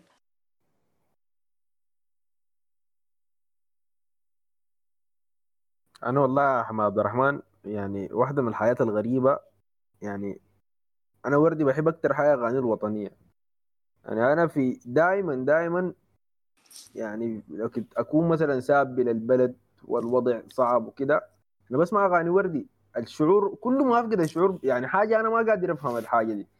يعني سبحان الله أنا شعور الوطنيه ده ما برج ما بترجع لي إلا أغاني وردي ما لأنه غناها بإحساس كامل. يعني إحس... يعني الإحساس بتاع الوطنيه ده ما بحس إلا فيه. يعني مهما كان أنا ساب للبلد والوضع سيء وكده أنا بسمع مثلا يعني أغنية مثلا لو لحظة من وسني آه، تقتل عني حزني ترجعني إلى عيوني. و... يعني يعني يعني بجد بترجعني للوطن ده. يعني حاجة حاجة حاجة غريبة جدا. الأغاني ال- ال- ال- معلش عم الأغاني ال- الوطنية دائما أنت لما تكون برا السودان بتحسها أكثر يعني أنا لما لما سافرت برا السودان حتى يا دوب بديت أسمع لو لحظة من وثني آه، الأغاني بتاع نشيد الاستقلال ال- الأغاني الوطنية أيوة. يا شعب أنت سامع الحاجات دي كلها بتحسها وأنت برا السودان. نادرا ما تحس ال- الأغاني دي وانت وأنت في السودان يعني. أيوه جنبك أنا والله كلمت يا أخوانا قبيل أنا كان أهم نقطة بالنسبة لي هو ال- ال- الشراكة بين محمد وردي وعمر طيب الدوش. ولكن الشباب اتكلموا عنها يعني أي واحد أشار لها يعني حيث إنها نقطة مفصلية كان في في مسيرة آه، وردي. اتلحنت اتلحنت آه، في في في بآخرة. كانوا ماشيين مصر.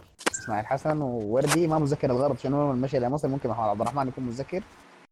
لكن اتلحنت اتلحنت هم في في في الباخرة في في تقريبا آه، 59 تمام؟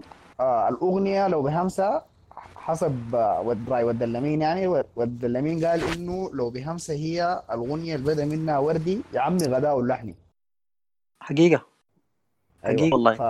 فأنا بتفق بتفق تماما في النقطة دي مع مع مع ود اللمين لأنه فعلا لو بهمسه هي ال... ال- الكلام اللي انت قلتوه قبل كله الشغل اللي اشتغله محمد وردي في لو بهمسه بتلقاه إنه أساس أساس الباقي كله. فتاني ما ما ما عندي شيء. غير غير غير النقطة دي ومعاكم أحلى مايك زي ما بيقول حبيبنا مايك. شكرا لك. ورد تعرف اهم في حاجة ورد تعامل مع عدد ضخم جدا من الشعراء. يعني أنا في الإحصاء بتاعتي في ال file بتاعي ده عندي تقريبا around 46 ل 47 شاعر أقل حاجة ما هذا الرقم. يعني تخيل ينزل أنا 47 شاعر. والشعراء ده من كل السودان وعمل حاجة ده- ذات وردي عمل حاجة غريبة. يعني مثلا أبو عمرو حامد الإيلة ده راجل من الشريف بيغني له اغنيه ولا بيغنيها له بالدلب ما بيغنيها له بلحن من الالحان يعني ال- الحاول المشروع اللي حاول يخلق وردي إنه ال- ال- البلد دي كلها في حاجة من الناس. أنت من الشرق من الغرب من الشمال من من ما تكون.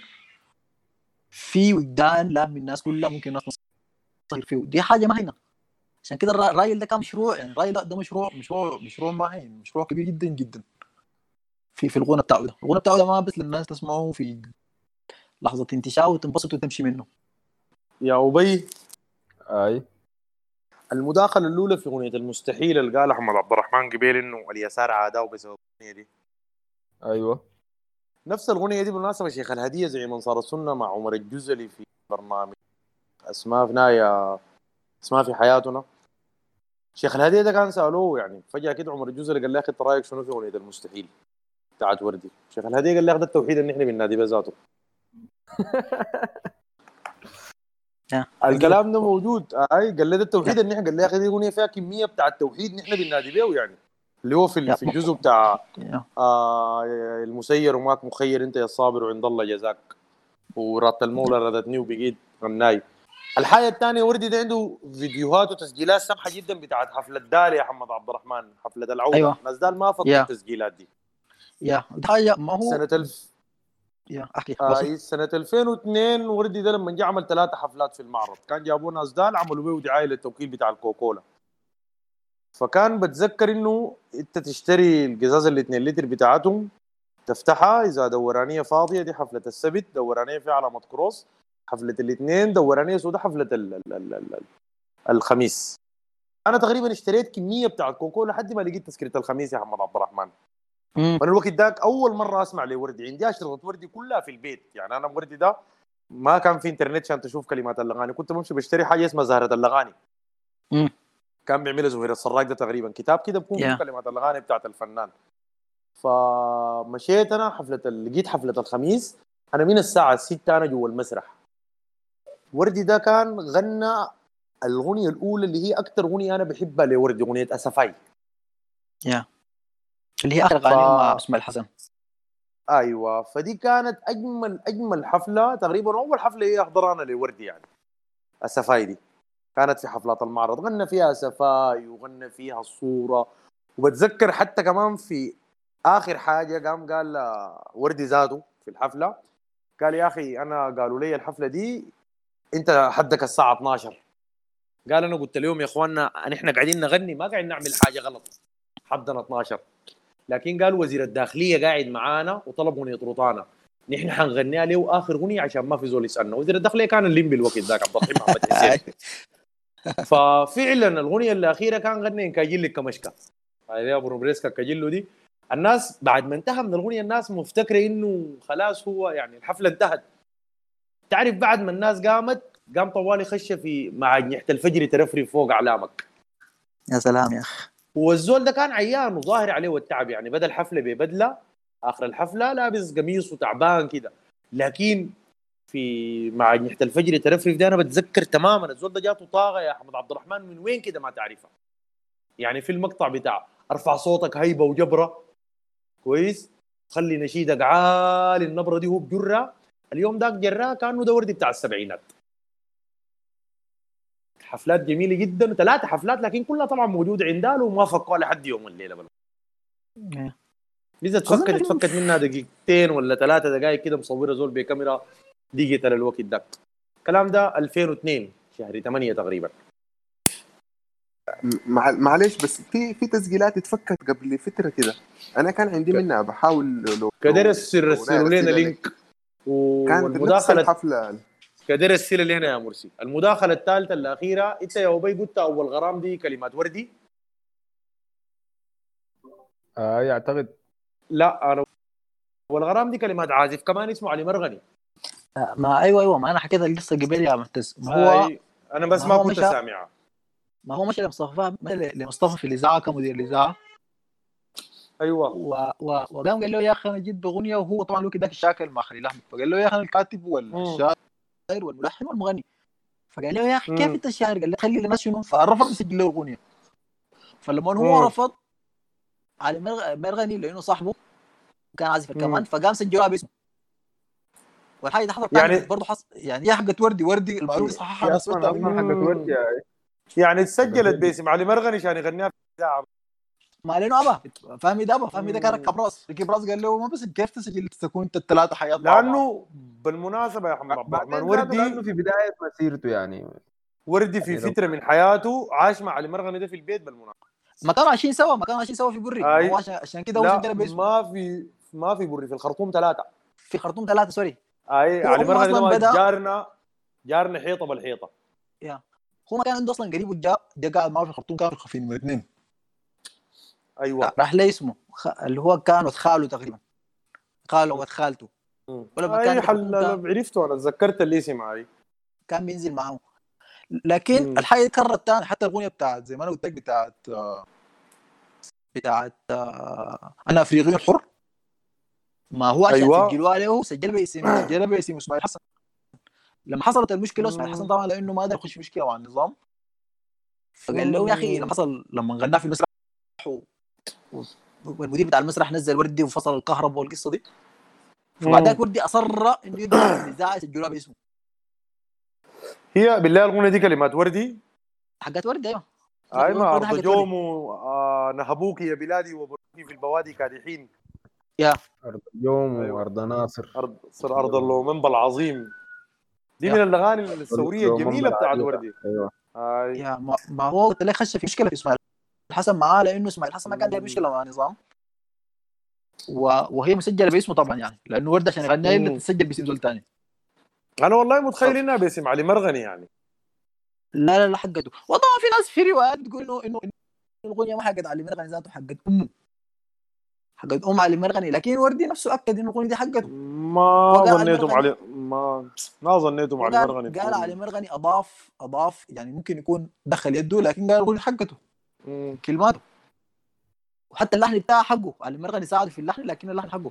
اللي يدور علي مرغني ما. عازف كمان كان أيوه. عازف كمان أيوه ربنا يرحمه. وهو غنى له طبعا غنى له أغنيتين يعني وسجل باسمه.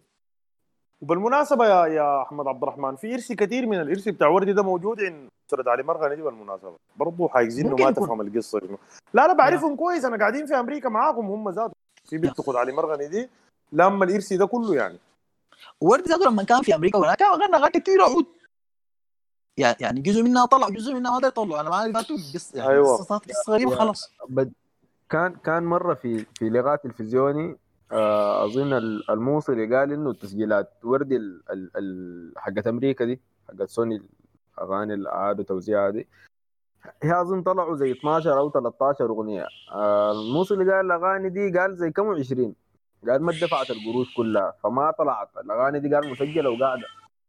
فأنا ما أعرف يعني. هي الأغاني تقريبا اتسربت كلها. ما هو والمشكلة الراجل ده طبعا ما هو كان عنده منظمة. الراجل المول القصة دي. ونادى. الموصلي ونادى فرناندو. ال- ال- ال- اللي عمل عمل جزء من الشغل بتاع التوزيع وجزء من الحاجات الأخيرة دي. لكن الراجل طلع إنه ممول القصة دي من جيبه.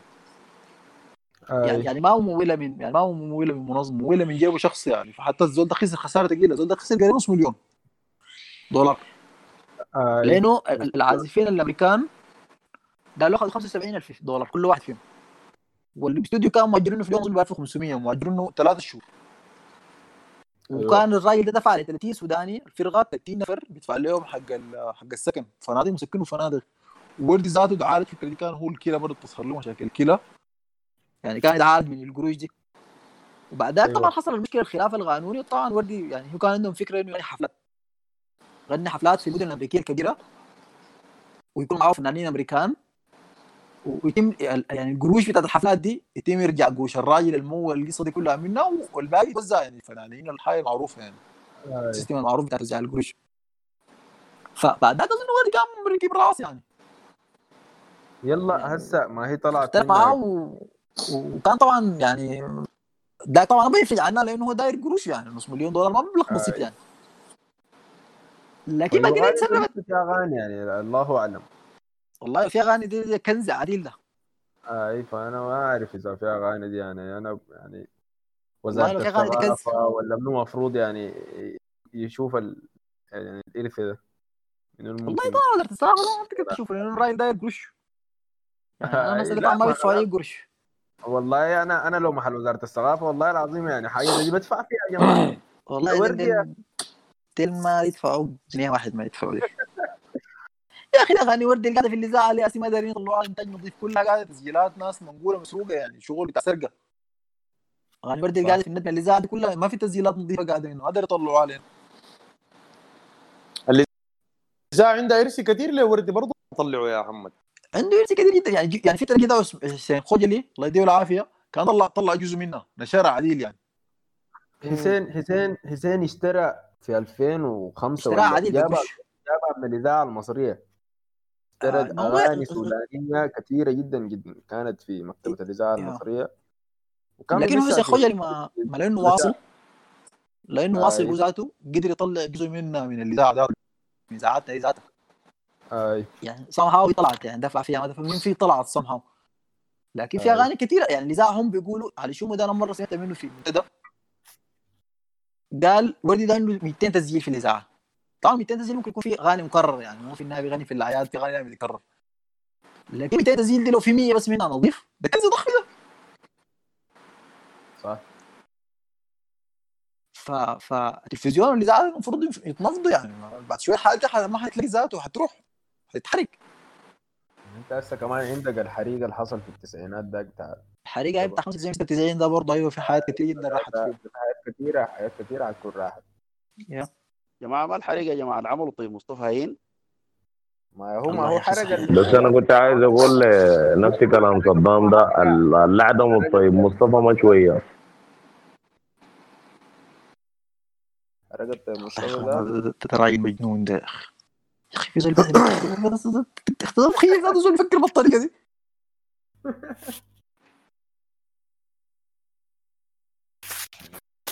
بعدين يا أخي الناس دي يا أخي محيرين طيب مصطفى يا زول قرا يعني زول قرا ال- ال- ال- الارث بتاع الحضارة الإسلامية ده يعني الشعر بتاع الخلافه العباسية واللي قبله يا أخي ده شعر فيه خمريات يا أخي فيه أي حاجة. يا يا يا يعني ما ممكن. صدام الاغنيه بتاعت أنا حالي ظاهر دي اغنيه منو أصلا؟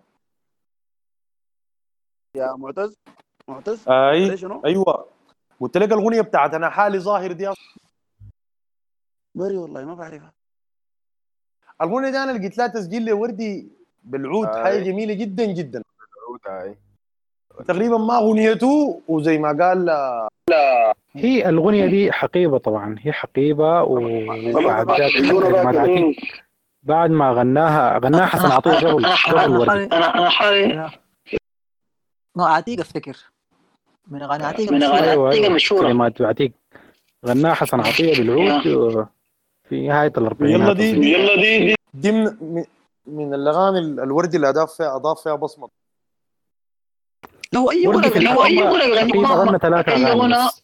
المعروفات يعني غناهم وردي. آه قسم بمحيك البدري وأنا حالي ظاهر وفي أغنية ثالثة يعني. ما قادر أتذكر شنو. هم دي ثلاثة يا يعني. تام. وغنى برضو بتاعت محمد كرم الله. آه، دي حتى الطير؟ أيوه حتى الطير. حتى وردي كان بيقول إن أغنية المفضلة عنده افتكر. آه حتى في التسجيل في اخرها كده بقول بامانه يا إخواننا الشوايقه دي الفنانين حتى الطيف راح الخلاني. ما تيمني أيوة. خاطر بالمناسبة وردي بالمناسبة وردي غنى على السباعي برضو. يا. أنا حد حتى ما قلت قبل غنى يطير الحمام بتاعت كلمات يطير الحمام آه، للدرويش. درويش أيوه. كلمات درويش يا. وبالمناسبة. عبد الرحمن ما تكلمتوا عن موسيقى وردي يا إخواننا. وردي ده برضه في الموسيقى في الأغاني حاجة يعني عندك مثلا ال- الحزن القديم التسجيل الموجود في ال في, ال في ال SoundCloud ده. يا. دي فيها كمانجات. ده فيه ده فيه أجمل صولة بتاعت كمانجات في تاريخ السودان. يا حقيقة والله. يعني انت يعني أنا ما أنا بس بسمع الأغنية دي بس بسمع الكمانجات برضو يا اخوانا من الالحان الالحان المتفرده كده بتاعت وردي إيش بتقولوا؟ إيش بتقولوا؟ ده لحن والله ما في زيه في الاغنيه السودانية. بتقول يا أيوه حقيقة. شو بيقولوا دي أغنية براها ما في لا, أيوه بالضبط كده. ما في زي نهائي في الأغنية شن بتقولوا ده يا يا مازن؟ ده ده اللي فيه البروفه موجودة في اليوتيوب. أيوه بيجوك في أيوة، الجماعة. أيوة. واضحة يا أيوة. بتاع الساكسفون انت قال له أيوه بس. لا دي آه. التيزة دي التيزة يا ولد. أي بالله قال لي خلي اجعلي اجعلي يعزف الحكاية دي كده. لكن يا يا- يا جماعة واحد من الألحان الغريبة جدا. أنا قبيل بس الكهرباء كنت أتكلم عنه برضه. اللي هو اللحن بتاع واحدة من أغاني إسماعيل حسن اللي هي حنية. يا. يا سلام يا آه، دي ما نزلت دي ما في في شريط ال- في شريط المرسال. نزلها في المرسال أيوة. بعد ذاك أيوه. نزلها في المرسال. لو بكايا حماكه يا أيوه. الأغنية دي أيوة. اللحن بتاعها داير بصورة كده ما طبيعية لأنه ال- القصيدة ذاتها مكتوبة بطريقة غريبة أنا أظن. أنا ما عارف أنا حقيقي ما ما ما, ما قعدت لها لكن لو في زول قاعد لها ممكن يراجع علينا لكن الحاجة اللي بتذكرها عنها عندي عندي معاه قصتين في واحد صاحبنا عنده شريط لمحمد وردي مسجل وبراه. أو يعني مش زمان بتنسخ الشرايط براك تمشي محل ينسخوا لك الشريط وكده. فالشريط بالاتجاهين كان في أغنية حنية بس. تنتهي حنية وتبدأ حنية تنتهي حنية وتبدأ حنية. يا سلام. دي واحدة من القصص بتاعت حنيه دي.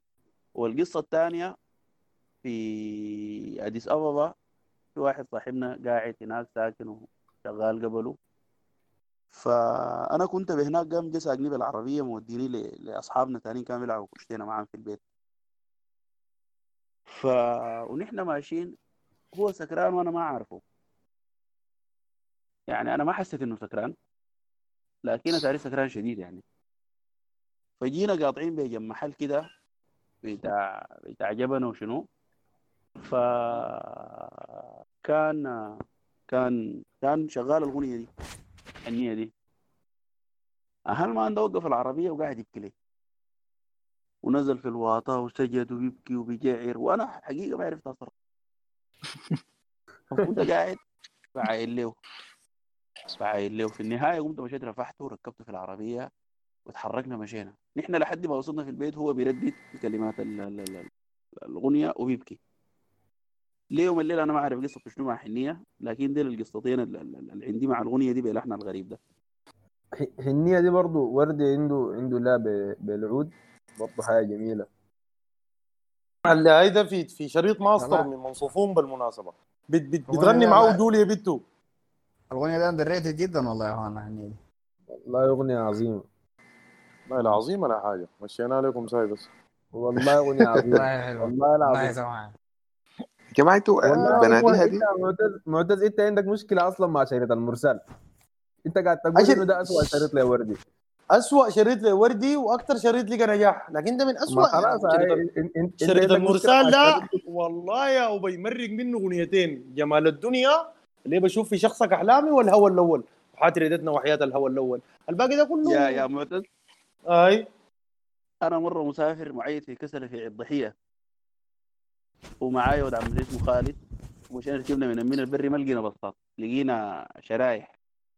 الكلام ده 2006 2007 الزول ده بالشريحة دي من الخرطوم ليه كسله ما عنده في في العربية بتاعته دي غير المرسل.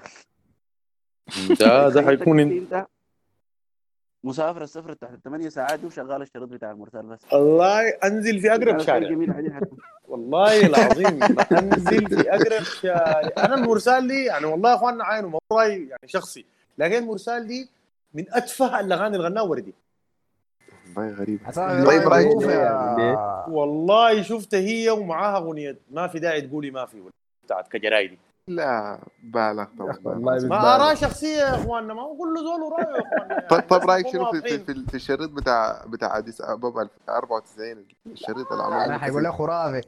حيقول لك لا هو. شوف والله شريط دي صبابه ده طبعا سمح يعني ما اكذب عليك بالذات ال- ال- الجزء اللي فيه آه، بلدية حبوب وحرمت الحب والريدة.